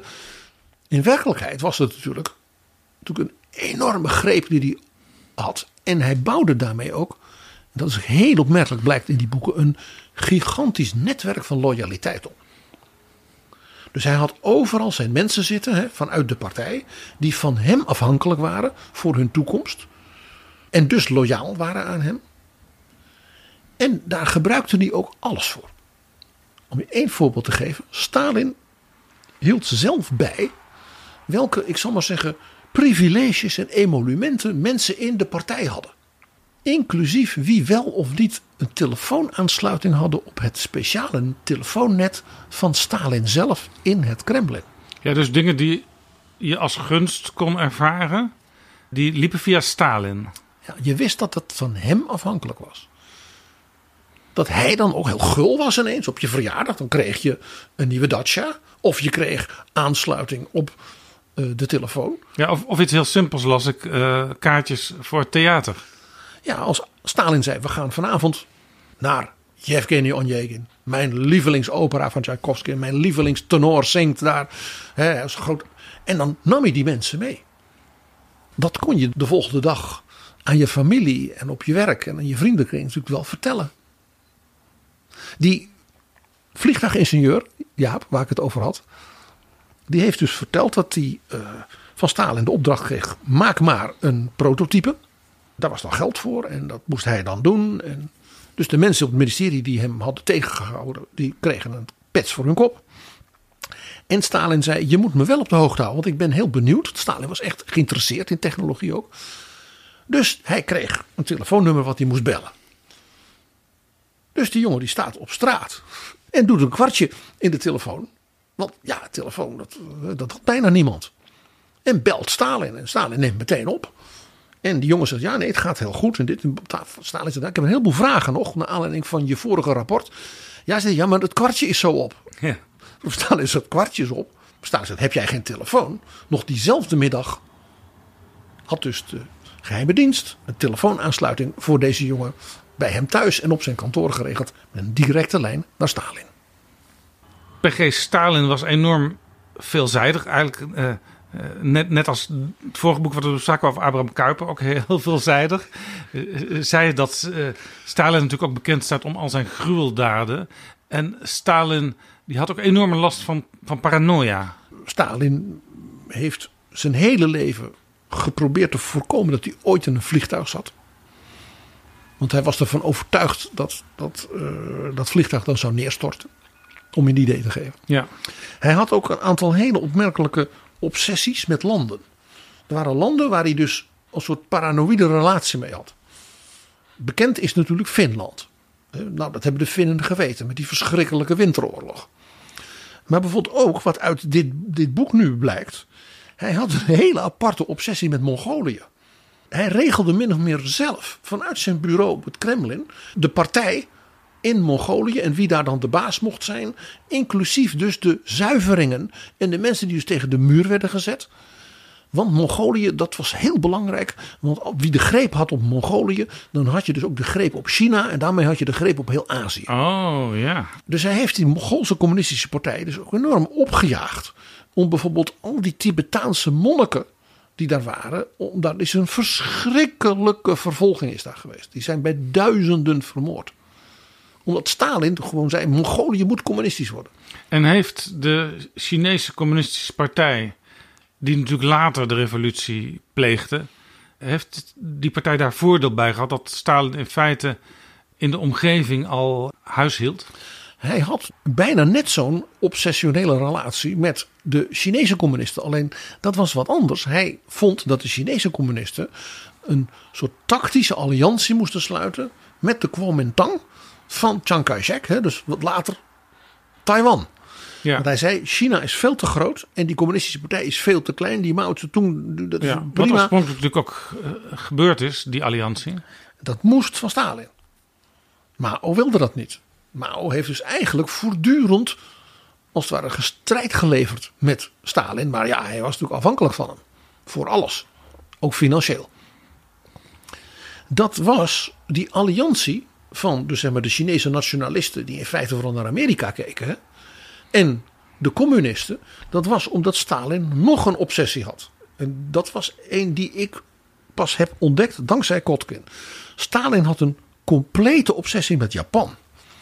En dat was natuurlijk omdat Japan natuurlijk toen de tsaar had verslagen. Weet je wel, in 1905. Ja. Met die gruwelijke nederlaag van de complete vloot. En eh, heel Manchurije dat Japan dus veroverde op de tsaar. Stalin was doodsbang dat Japan van die positie die ze hadden gebruik zouden maken om bijvoorbeeld heel Siberië te veroveren. Daar was hij serieus bang voor. Dus hij had ook heel veel spionnen in Japan. En helemaal toen dus de nazi's een bondgenoot van Japan werden. Zijn beste spion, meneer Richard Sorge, zat in Tokio. En die zorgde ervoor dat hij goed bevriend raakte met de mensen van het Japanse ministerie van Defensie. En met de Duitse militaire delegatie in Tokio. Die niet wisten dat hij spion van Stalin Nee, was. nee. Maar hij was zo geobsedeerd, Stalin, door Japan. Dat hij zeker wist dat die Richard Zorge, dus zijn topspion. in feite een dubbelspion inmiddels was. Van de nazi's en van Japan. Dus Ja, alle waarschuwingen die deze man precies bracht over wat Hitler aan het doen was. met het voorbereiden van de overval met operatie Barbarossa. daarvan zijn staan er dus niet waar. nee. Want die vent, dat, dus hij geloofde, zo paranoia als jij zei, zijn eigen spionnen niet, die hij daar had neergezet om dat voor hem Hij dacht bij wijze van spreken dat het precies omgekeerd was. Waardoor hij ook zijn eigen probleem creëerde, Stalin. Nou ja, ja we, we zouden ook nog lang kunnen praten over zijn vervolgingen. en Ook die enorme zuivering in 36, 37 binnen de partij en ook binnen het leger. Eh, ik zou bijna zeggen, dat doen we misschien een andere keer. Ja. Eh, want dit boek, deze twee boeken, eh, het is inderdaad net als Robert Caro. Ze zijn natuurlijk heel dik. En ze zijn van een ongelooflijke rijkdom van details uit dus oorspronkelijke documenten. Uit brieven, uit memoires. Ook doordat natuurlijk in Rusland alle archieven zijn opengegaan in de Yeltsin-tijd. Dat is nu allemaal weer veel minder. Eh, maar daar heeft Kotkin eh, enorm ja, voordeel van gehad. Ja, er is ook nog een soort ruzie onder historici uitgebroken. naar aanleiding van een van de dingen die Stefan Kotkin heeft eh, uitgevogeld in zijn boeken. En dat gaat over het testament van Lenin. Lenins poging op het eind van zijn leven om Stalin als het ware te verwijderen uit de partijtop. Ja, die brief aan het congres eh, die ik heb voorgelezen, een stukje eruit. Daarvan zegt Kotkin, uiteindelijk heeft Stalin daar zijn eigen instrument van gemaakt. Maar daar is niet iedere, ik zal maar zeggen, Sovjet-Unie-historicus het helemaal mee eens met Kotkin. Ik moet zeggen, ik vind zijn analyse eh, eigenlijk wel overtuigend. Als je beseft, waar we het eerder over hadden, dat hij ten diepste wist en voelde dat Lenin op hem neerkeek. ja. Als, maar, een, als een autodidact, een schoenlappersoon, een self-made man. Die die toch nooit helemaal als zijn gelijke wilde zien. ja, maar er is ook nog, nog eh, als je het hebt over het testament in letterlijke zin. eh, dan is de suggestie van Kotkin dat Lenin dat niet zelf heeft geschreven, maar zijn, zijn vrouw. Of zijn zus, dat zou ook nog kunnen. Ja, want eh, hij kent natuurlijk het, hele Lenin-archief, Krotkin. En hij ziet dat dat testament helemaal niet, eh, zeg maar, de voorafschrijfsels heeft en de dingen in de kantlijn en zo, die bij Lenin heel gebruikelijk waren. Eh, toch zeggen de meeste grote historici die zich met Lenin hebben bezighouden, nee, het testament is wel authentiek. Nou, zo zie je dus hoe bij ja, het werk van historici hè, zoals deze, eh, het omgaan met de bronnen, zoals dat heet, ongelooflijk belangrijk is, maar niet wat men vaak denkt het antwoord is. Want de bron is zelf vaak ook weer onderdeel natuurlijk van het historisch proces. Een bron zegt niet alles. Een document, hoe belangrijk het ook is dat je zegt we hebben het origineel. Maar wie zegt dat het origineel niet is overgeschreven van een nog eerder origineel? Ja. Dus de- het omgaan met bronnen is een van de meest ja, gevoelige en spannende dingen van de professie van de historicus. Stephen Kotkin, deel 1, Stalin, Paradoxes of Power. Dat loopt tot 1928. En deel 2, Stalin, Waiting for Hitler. Dat loopt tot 1941. En Jaap, als deel 3 uitkomt, beloof ik jou, dan gaan we het er nog een keer over hebben.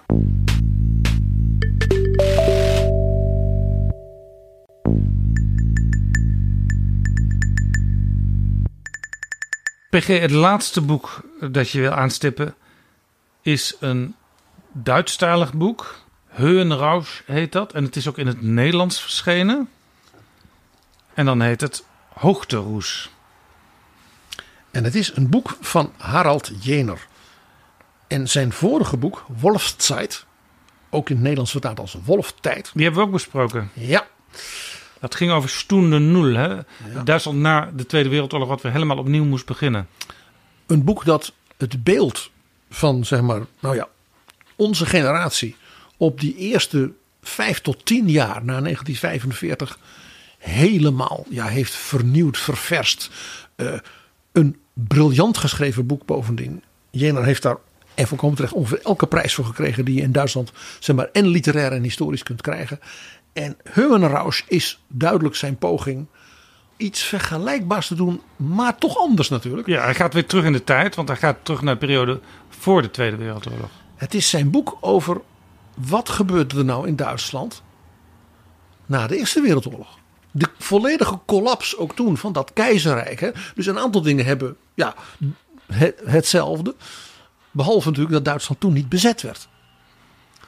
En toen ontstond wat wij natuurlijk kennen als de Republiek van Weimar. Het boek gaat vooral dus over de Republiek van Weimar en over die goldene Zwanziger, zoals de Duitsers het noemen. Dus die tijd van ongekende emancipatie, innovatie, technologische verandering, maatschappelijke verandering, sociale verandering. Het enorme optimisme, de culturele bloei. En toch, Waar slaat dan eh, de titel Hoogteroes in het Nederlands? Waar slaat dat op? Is dat een soort larger than life gevoel? nee, het idee dat je op de top van een berg bent en in een soort roessituatie ontstaat omdat je misschien wel te weinig zuurstof krijgt. Dus het is eigenlijk een ziekteverschijnsel. Het was een roes. Het had geen stevige wortels en geen stevig fundament. Het mooie van dit boek is dat hij iets heeft gedaan wat in heel veel boeken over de Republiek van Weimar vaak toch de auteurs niet helemaal lukt. En dat is geen groot verwijt. Dat is, je schrijft een boek over 1919, 1933, toch vanuit het idee, en we weten hoe het afliep. Dus je gaat toch als het ware het, soort voorlopers naar hè, de komst van Ja, de dictatuur dat van is Hitler. altijd natuurlijk het grote risico dat je eh, in feite te veel omhelst wordt door wat je al weet. Ja, en de mensen van dat moment wisten niet hoe het zou aflopen. En het is echt heel knap wat hier gedaan heeft. Hij is erin geslaagd, als ware dat bijna, bijna vlekkeloos te doen. Eh, hij wijst bijvoorbeeld op de ongelofelijke moderniteit in de Weimar Republiek van de verandering van de positie van de vrouw. Hij zegt, want wat gebeurde er door de nieuwe technologie? Van, wij zouden zeggen, de eerste elektronica. Dat er allemaal banen waren. Wij zouden zeggen kantoorbanen. Secretaresses, typistes, telefooncentrales. En die ontwikkelden zich natuurlijk ongeveer per jaar technologisch steeds sneller. Ja, dat is dus een enorme vooruitgang in korte tijd. En dat waren al banen waar men zei, die zijn heel geschikt voor vrouwen. Er was natuurlijk nog iets gebeurd. In die Eerste Wereldoorlog was natuurlijk gebeurd wat in de Tweede ook gebeurde. Wat hij dus in Wolfszeit ook beschrijft. Is dat vrouwen gingen werken, want die jongens die waren aan het front. En dat betekent dus dat heel veel meisjes en jonge vrouwen zoiets hadden van er is nog een ander leven. Ja, ze En waren dus kan- door de periode van de Eerste Wereldoorlog geëmancipeerd. En dat zette zich door in de jaren 20 en 30. Want ja, heel veel van de jongens kwamen terug. Getraumatiseerd, zwaar eh, gewond. Eh, konden dus geen plek meer op de arbeidsmarkt krijgen. Die paste bij hun, misschien hun capaciteiten toen ze nog eh, zeg maar, een student waren in Dus in, 1913. in sommige huwelijken was de vrouw eigenlijk de kostwinner geworden. Ja, en een tweede punt. Er ontstond dus een hele nieuwe klasse jonge vrouwen. Die zei, ik ga gewoon mijn eigen leven doen. Ik heb een inkomen. Ik ga op kamers. Ik ga uit. Ik ga dansen. Ik ga... Hij beschrijft heel leuk de dansmanie van de jaren twintig. Mede dus de onder invloed van Amerika door de jazz. Want Amerika werd natuurlijk ineens de nieuwe beschermheer van de Weimarrepubliek. Want ja, eh, de Amerikanen die zorgden ervoor dat de Weimarrepubliek economisch door leningen ja, en door ja, die nieuwe technologische eh, import- en exportrelaties ineens dat Duitsland weer tot bloei kwam. Er schiet mij ineens een liedje te binnen, PG, van Louis David. Dat heet Moeder is dansen. En daar komt het volgende in voor. Ik zal het even laten horen. De uitvoering is prachtig door Adelle Bloemendaal. Duitsland is nu een republiek, mami is dansen. Viel van de een in de andere kliek, mami is dansen. Europa tot het hemd geplukt, wordt komweg uit elkaar gerukt. De volkenbond werd doodgedrukt, mami is dansen. Mami is dansen, baby huil maar niet. Mami is naar la reserve, vol. Papi zit zonder een cent in zijn zak. Maar daar mag hij niet om tobben. Mami moest zich laten bobben. Mami verrookt een tientje op een dag. Papi een pijp als het mag. Ma doet aan de slanke lijn. Pa mag kinderjuffrouw zijn. Mami is dansen, mijn kind. Werkloosheid en honger schrijnt. Mami is dansen. Handen en industrie verkwijnt. Mami is dansen. Russen en Chinezen gaan dreigend op Europa aan. Listig grijnst steeds de Javaan. Mami is dansen. En jij weet dat eh, Louis Davids en zijn mensen, in, zeker in Amsterdam, nu allemaal meegesleurd werden, gefascineerd werden door die Berlijnse clubs en variétés en cabarets. Want dat was natuurlijk le dernier cri in Europa van hipheid. En wat Jener zo prachtig noemt, die Siegeszug bevrijter Lebensweisen. De overwinningstocht van bevrijd leven. Maar dat ging gecombineerd met die verschrikkelijke inflatie. Waardoor alles wat mensen aan zekerheden hadden, weg was. En Jaap, dan zijn we terug bij, Hans Magnus Enzensberger. Dat schandaal de Gleichzeitigkeit. Want het schandaal de Gleichzeitigkeit is in feite wat Jener laat zien. Wat uiteindelijk dus de ondergang werd van de Weimarrepubliek. Die combinatie van glorie, van nieuwe dingen, kunst, innovatie, technologie en volstrekte onzekerheid over het bestaan. Of het nou economisch was, hè, met al die inflatie, en politiek en sociaal. En het gevoel, we zijn alles kwijt. Hè, ook met dat verdrag van Versailles. Het was de tijd dat men het had over, er komt die nieuwe vrouw. Er zou natuurlijk ook komen der neue man. Er was natuurlijk met het Bauhaus en de grote investeringen van de Duitse steden in de nieuwe volkshuisvesting had je das neue wonen. En er was natuurlijk sprake van das neue denken. En uiteindelijk, met de wereldcrisis, hadden de mensen het gevoel van: we hebben die inflatie overleefd. En nu komt er weer zoiets. Miljoenen werklozen, mensen die dus geen greep meer op hun leven hadden. En toen bleek dus het inderdaad een roes te zijn geweest. Een Höhenrausch waar de mensen in geleefd hadden. Het boek is uitgegeven in Nederland door de Arbeiderspers, Hoogte Roes, Duitsland en de Duitsers tussen twee oorlogen, vertaald door Anne Volkertsma en Ralf Arnoud. Het is 622 bladzijden. Hoi, ik ben Alexander Klupping. Ik weet dat jij, net als ik, met heel veel plezier luistert naar betrouwbare bronnen. Maar je zou Jaap en PG echt helpen als je nu vriend van de show wordt. Dat kan met een donatie per maand of per jaar. En dan kunnen ze nog veel meer afleveringen maken en zeg nou zelf, dat wil jij ook. Dus ga nu naar vriendvandeshow.nl slash bb en doe het niet straks, maar nu. PG, jij wilde nog een hele bijzondere publicatie belichten. En voordat we dat gaan doen, gaan we even terug naar de Tweede Kamer op 16 januari van dit jaar. Ik heropen aan de orde is het afscheid van de heer Freek Jansen. Vanochtend ontving ik zijn afscheidsbrief. Hij spreekt zelf van een apologie Willem van Oranje. En in zijn brief vertelt hij dat hij zijn zetel tijdelijk ter beschikking stelt aan zijn fractiegenoot, de heer Pepijn van Houwelingen, in verband met een, de parlementaire enquête coronabeleid. En de heer Jansen schrijft, ik citeer, als enige partij bestrijden wij het valse bewustzijn dat sinds het midden van de vorige eeuw zorgvuldig is geconstrueerd en dat de Europese ziel geketend houdt. Een vals bewustzijn dat ons zelfhaat, schuldgevoel en taboes doet reproduceren, waardoor de politieke maatregelen die evident noodzakelijk zijn om ons volk en onze beschaving te beschermen, niet worden genomen. De rest van zijn brief kunt u zelf teruglezen. De heer Jansen heeft dus al afscheid genomen en daarom heeft de Kamer thans 149 leden. En de heer Jansen eindigt met de kreet: Mogen Nederland als Ida-veld behouden blijven? Dat is uh, Noorse mythologie, hebben wij bij elkaar gegoogeld. We stellen voor weer terug te keren naar het Midgaard, de woonplaats van de mensen. Het is wat het is de gewoonte dat een Kamerlid dat voortijdig afscheid neemt... een kleine sneer krijgt van uh, de voorzitter, bij deze dan ook. Maar wat we eigenlijk nog nooit hebben meegemaakt... is dat een Kamerlid dat nog maar enkele weken uh, is beëdigd... ons alweer uh, heeft verlaten. En dat is toch wel een op zijn minst ongewone figuur... Waar we eigenlijk uh, niet zo heel blij mee moeten zijn. Maar het is uw keuze, meneer Jansen. En we begrijpen dat u uh, van plan bent om terug te keren. Dus uh, laten we zeggen dat we daar naar uitzien. In afwachting van de stemming schors ik enkele minuten. Zodat u desgewenst afscheid kan nemen van de heer Jansen in het ledenrestaurant.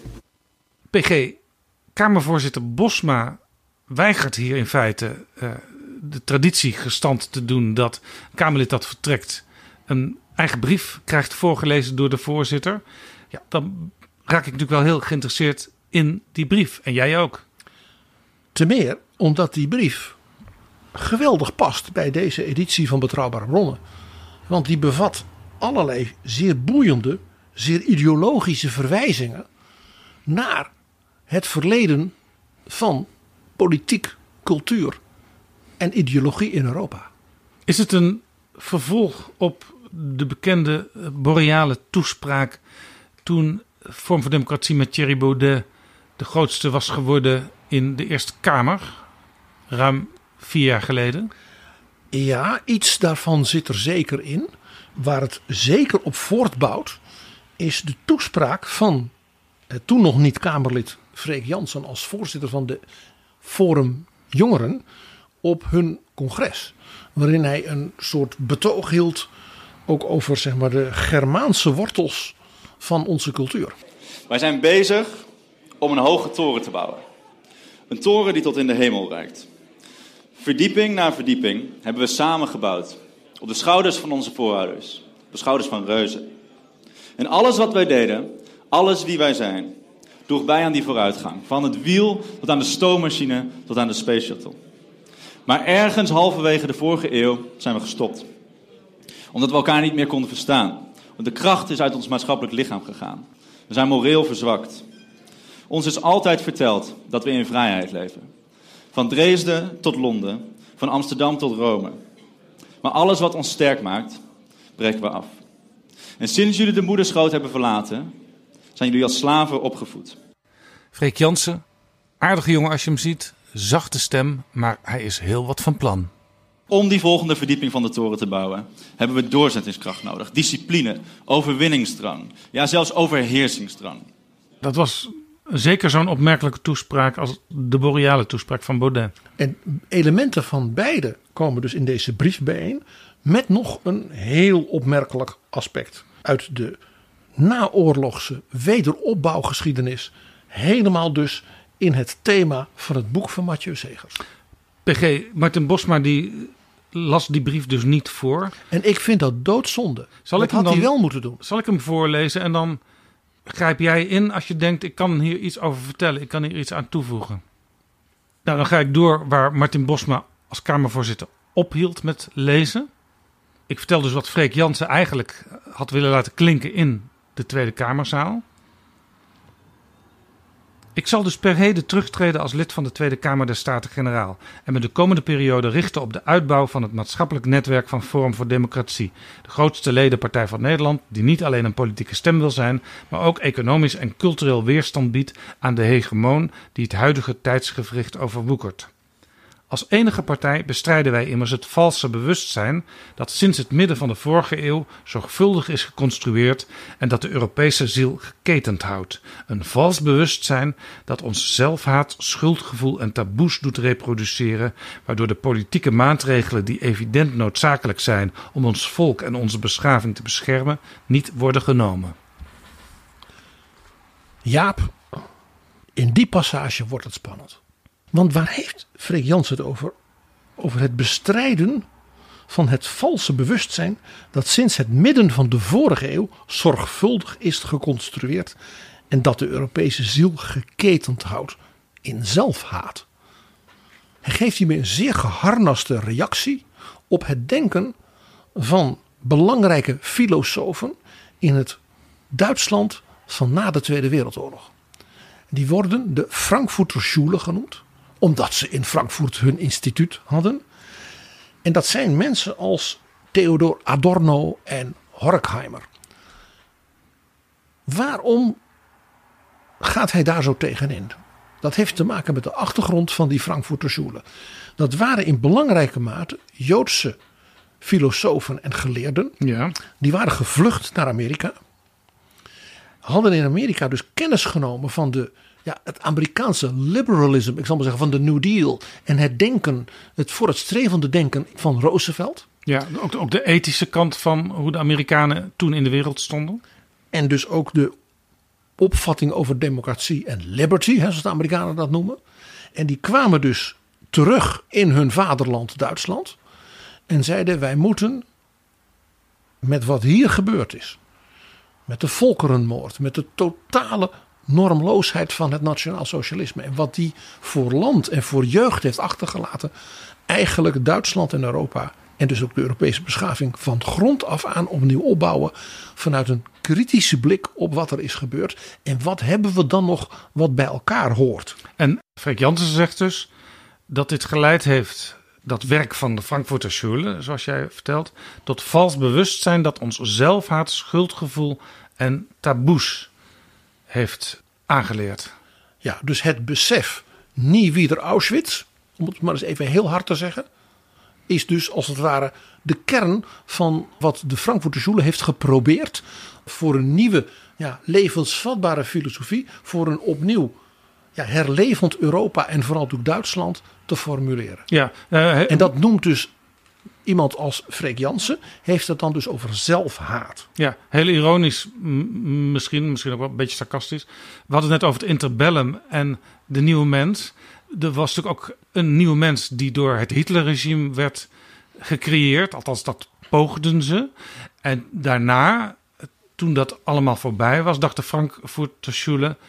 Ja, laten we nou eens echt een nieuwe mens creëren. Want we weten nu eh, hoe het mis kon gaan. Het was vooral hoe kunnen we nog als mensen voortleven met die schuld, met die trauma's, met die ellende. Hoe kun je als het ware elkaar weer als mensen recht in de ogen kijken? En ook wat betekent de verleiding, de totalitaire verleiding van het nationaal socialisme, maar ook van het Stalinisme. We zijn ook weer bij Kotkin. Wat betekent dat voor ja, wat je je medemens toevertrouwt? Ja, ja dus eigenlijk... Ik, ik zal zeggen, heel gek. Er, er was één iemand die was bepaald niet een linkse Joodse filosoof in het naoorlogse Duitsland. Dan heb ik het over Konrad Adenauer. De stokoude katholieke CDU-kansler. Die altijd zei, onder andere tegen zijn zoon, een hele jonge priester. Als er spraken over zijn werk, zei hij. Was zal aus Deutschland werden, wenn ich nicht meer daar ben? En dat zit in zekere zin ook dus in die Frankfurter Schule. Hoe gaan wij voort met leven en hoe kunnen we toch democratie en vrijheid ja, tot bloei laten komen Ja. in een tijd waarin zoveel schuld is opgeladen. Ja, ik sprak net een beetje sarcastisch over de nieuwe mens. Maar eh, misschien kon je na de Tweede Wereldoorlog en alles wat er in Europa gebeurd was ook wel concluderen dat het onmogelijk is om een nieuwe mens te creëren. Want een mens heeft natuurlijk allerlei zwakheden eh, en ook allerlei ambities en, en dingen die hij wil verwezenlijken. Maar je moet ook vooral willen leren van de dingen die niet goed gegaan zijn. En daarom, en dat vermoed ik heeft Freek Jansen niet bedoeld, is wat hij hier vertelde een magnifieke illustratie bij het boek van Mathieu Segers over het naoorlogs Europa. En hoe er toen het lukte hè, in die tijd, en dus ook mede geïnspireerd door het denken van de Frankfurter Schule, Europa toch weer bij elkaar te brengen en dat idealisme tot iets goeds te laten komen. Ik hervat Freek Jansen zijn brief. Alleen wanneer wij ons behalve politiek ook cultureel en economisch organiseren, hebben we een kans om het valse bewustzijn, de kern van onze misère, de vroedvrouw van onze opheffing, te doorbreken of, indien dit niet mocht lukken, om ons en de onze dan toch ten minste te handhaven om te overleven als kasten te middel van een wereld die niet langer de onze zal zijn. Wat zegt Freek Jansen hier? Ik word nu heel scherp. Die zegt dat deze Joodse ballingen uit het Europa van de naties, met hun pogen, hun worsteling om om te gaan met dat schuldgevoel en het gevoel is er nog een toekomst voor Europa, dat zij de vroedvrouw van onze opheffing zijn. Dit is natuurlijk een regelrechte antisemitische hondenfluit. Ik heb er geen ander woord voor. Wat maakt het antisemitisch? dat hij in feite zegt: die mensen zijn toen gevlucht voor het nationaal socialisme. En zijn teruggekomen naar Europa om de Europese cultuur te confronteren. Natuurlijk ook met die schuld, maar ook zelf bij te dragen aan een nieuw herleven van de Europese beschaving. En dan noem je zulke mensen de vroedvrouw van onze opheffing. Het is eigenlijk een wat de Duitsers noemen Umwertung aller Werte. Heel goed gezien, ja. Ik ga door. Wel beschouwd zal ik zodoende minstens zo nauw betrokken blijven bij de taak van onze partij als voorheen. Inderdaad, misschien wel meer dan ooit tevoren. Dit is een partij die in mijn hart zit en altijd zal zitten. Die ik samen met Thierry sinds 2016 heb mogen opbouwen en waaraan ik onverminderd toegewijd blijf. Zij het nu tijdelijk in een andere rol. Voor altijd zal ik trots blijven dat de ideologische zuivere lijn van Forum voor Democratie, mede door mijn inspanningen, behouden is gebleven en dat de grote trek naar het midden, zo eigen aan het parlementarisme en de vuige wedijver om de gunst van journaille en andere agenten van de hegemoon bij onze bijzondere, unieke club tot staan is gebracht. Jaap, in deze passage zitten twee interessante observaties. De eerste is dat hij op dit moment in de brief de enige keer de heer Baudet noemt. Ja, Hij noemt hem Thierry. En hij heeft samen met Thierry die partij opgericht en opgebouwd. En zegt vervolgens dat hij voor altijd dus een soort eed van trouw zweert Ja. aan de ideologische zuivere lijn van Forum, mede door mijn inspanningen, als wapen en als strijd tegen het parlementarisme. Ja, hier moeten we dus even denken aan al die mensen die zich hebben afgescheiden uit de Tweede Kamerfractie, uit de Eerste Kamerfractie, uit de Europarlementsfractie. Uit de staten, uit overal. En mede dankzij Freek Jansen, schrijft hij zelf, is de zuivere lijn van de partij behouden gebleven. En mij valt op dat hij dus die eed van trouw niet zweert aan Baudet.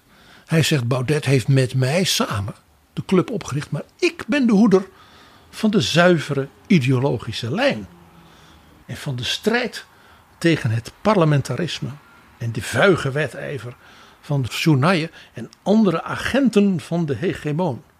Ja, daar zegt hij een heleboel dingen tegelijk. Hè? Ja, maar eigenlijk zegt hij: ik ga dan wel weg als Kamerlid, maar ik blijf de originele interpretatiegever van die zuivere ideologische lijn. Dus je zou dit ook kunnen zien als de aankondiging van interne strijd en scheuring over het eigenaarschap van die permanente ideologische radicalisering binnen Forum. En die is juist nu zo relevant. Want de grote concurrent op extreem rechts, de PVV, die zegt wij gaan nu regeren en leveren. En dat is natuurlijk precies wat Thierry Baudet nooit heeft gedaan. Dus ik lees hier ook een aankondiging van de volgende ideologische zuivering. Hè, van wat ik maar altijd noem het cannibalisme en separatisme en sociaal darwinisme. Dat kenmerkend is voor dit soort partijen. Ja, dat is interessant. Laten we toch nog even kijken naar een aantal woorden die Jansen gebruikt.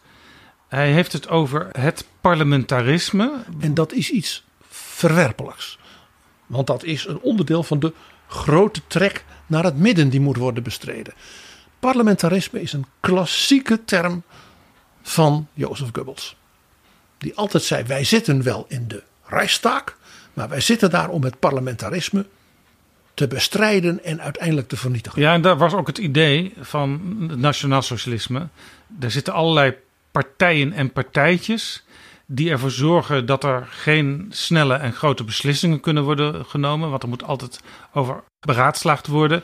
Er moeten compromissen worden gesloten, waardoor dus zeg maar, de zuiverheid van het idee verdwijnt. En dat is dus die grote trek naar het midden.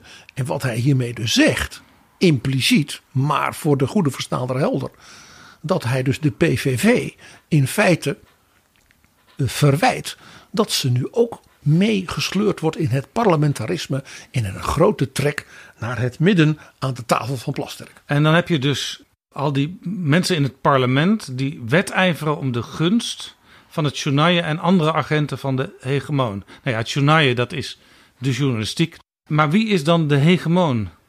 Daar zit het woord hegemonie in, dus overheersing. De hegemoon is dus de beheerser, de macht achter dat journaille en dat parlementarisme. En jij weet wie dat zijn in dus die extreemrechtse mythologie. Dat zijn de Joden. Dat is klassiek ook in Amerika. Hè, dat je zegt, daar achter de, de New Yorkse pers en Wall Street en Hollywood. Hè, dat zijn allemaal codebegrippen. Hier dus de hegemoon van het journaille. En de hè, agenten van het parlementarisme. Klassieke antisemitische hondenfluitje opnieuw. En eh, hij zegt dus, eh Freek Jansen, de grote trek naar het midden is bij onze bijzondere unieke club tot staan gebracht. Dus wij zijn niet ten prooi gevallen aan dat idee dat je maar met iedereen moet praten en moet samenwerken en compromissen moet sluiten. Misschien is dit trouwens wel eh, een reden waarom Martin Bosma als PVV'er, niet als Kamervoorzitter, maar als PVV'er dacht... dit moeten we maar niet laten klinken, deze kritiek die ook de PVV raakt in onze vergaderzaal. Maar dan heeft hij als Kamervoorzitter volstrekt naast de pot gepiest. Ja. Precies, want zijn taak is natuurlijk om boven de partijen te staan. Maar goed, zal ik nog even het laatste stukje voorlezen, PG? Ja. Inderdaad, velen antwoorden aan de lokroep van de ring. Mijn trouw blijft zowel aan de achterban van Forum voor Democratie als aan mijn volk.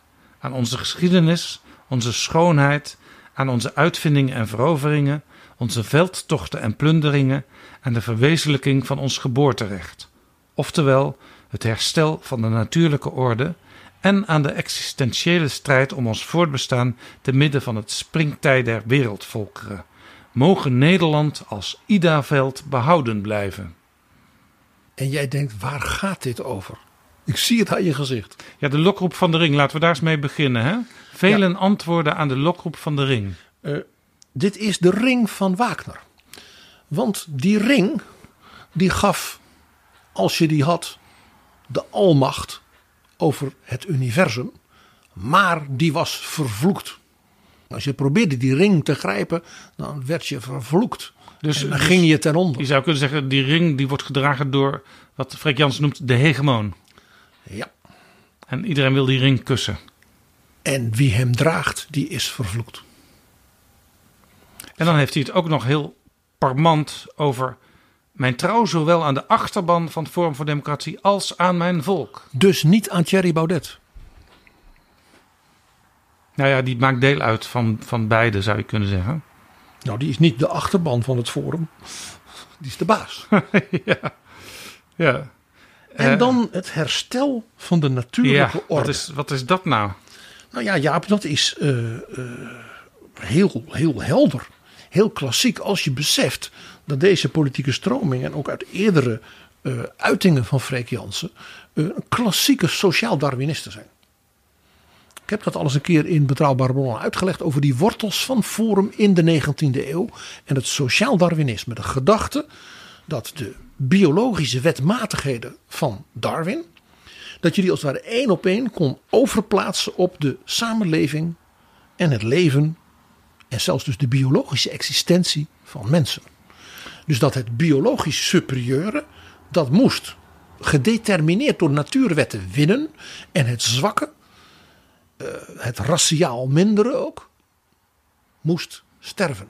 Ja, dus hieruit... Dat is de natuurlijke orde. Ja. En die natuurlijke orde moet dus worden hersteld. Want wij, leven blijkbaar, dat is die existentiële strijd, in een periode waarin dus het superieure als het ware niet wint. Dus je kunt hierin lezen, er zijn allerlei verschillen in het aardse.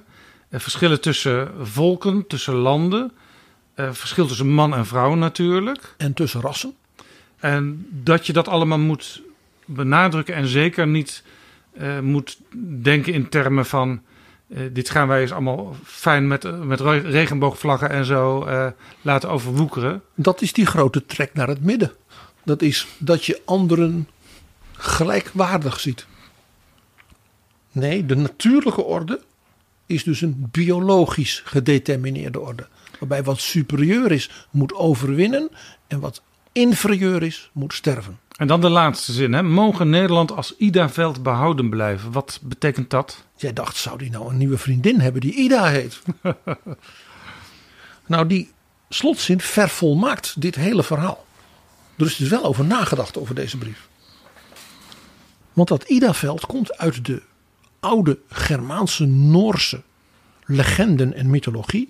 En de vertekening daarvan door de nazi's.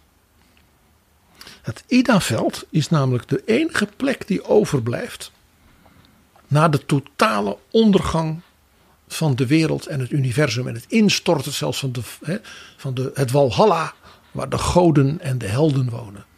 En dan is er één groep die de wereld vanuit het Ida-veld opnieuw kan maken. En dat zijn de zuivere Ariërs. Dus hij heeft het over die ideologische zuivere lijn. Hij zegt eigenlijk, wij zijn op weg naar de totale vernietiging van de wereld. En dan blijven de mensen van de zuivere ideologische lijn over. En hij hoopt dan dat Nederland dus dat Ida-veld is.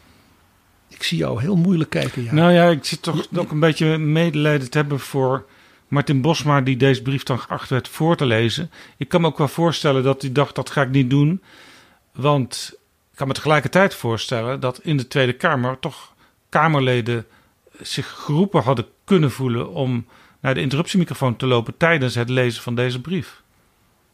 Omdat er natuurlijk zoveel aan vast zit. En als je echt doordenkt over wat hier dan allemaal staat en zoals jij dat uitlegt, dat is te gruwelijk voor woorden.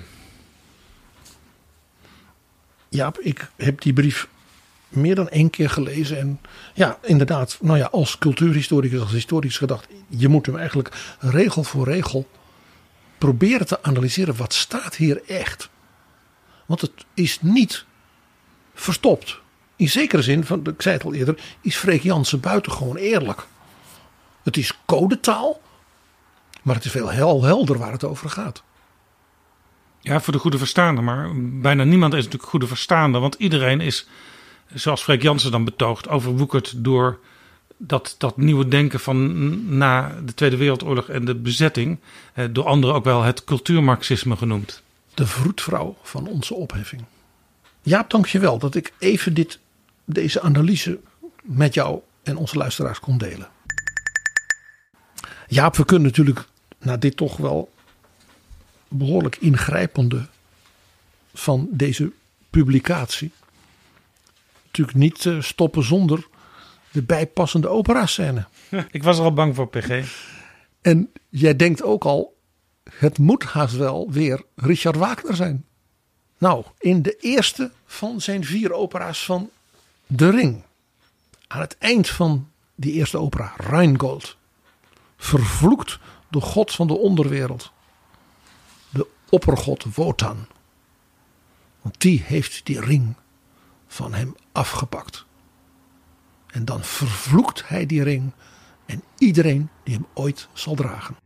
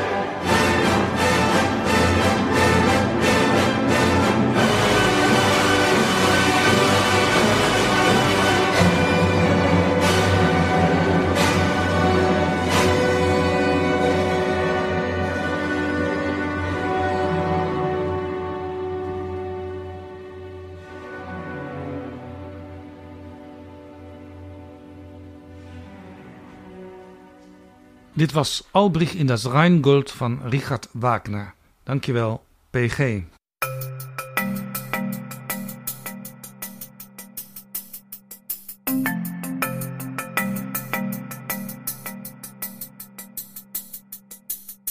Zo, dit was Betrouwbare Bronnen, aflevering 395. Alle boeken die we hebben besproken, die staan met een link in de beschrijving van deze aflevering. En ook die vreselijke brief van Freek Jansen. Deze aflevering is mede mogelijk gemaakt door de vrienden van de show. Wil jij ons ook helpen met een donatie? Ga dan naar vriendvandeshow.nl slash bb. En voor de vrienden hebben we weer iets speciaals. Van het boek van Johan Snel, Abraham Kuyper, Een leven in de journalistiek. Een alternatieve biografie stelt uitgeverij Boom vijf exemplaren beschikbaar. En van het boek van Harald Jener, Hoogteroes, stelt de Arbeiderspers drie exemplaren beschikbaar. En daar kun jij als vriend van de show naar meedingen. Ben je vriend of word je nu nog snel vriend, dan krijg je daarover een mailtje. Je kunt het ook lezen op vriendvandeshow.nl slash bb, maar alleen als je echt een vriend bent. Dan kun je het lezen. Tot volgende keer. Betrouwbare bronnen wordt gemaakt door Jaap Jansen in samenwerking met dag en nacht.nl.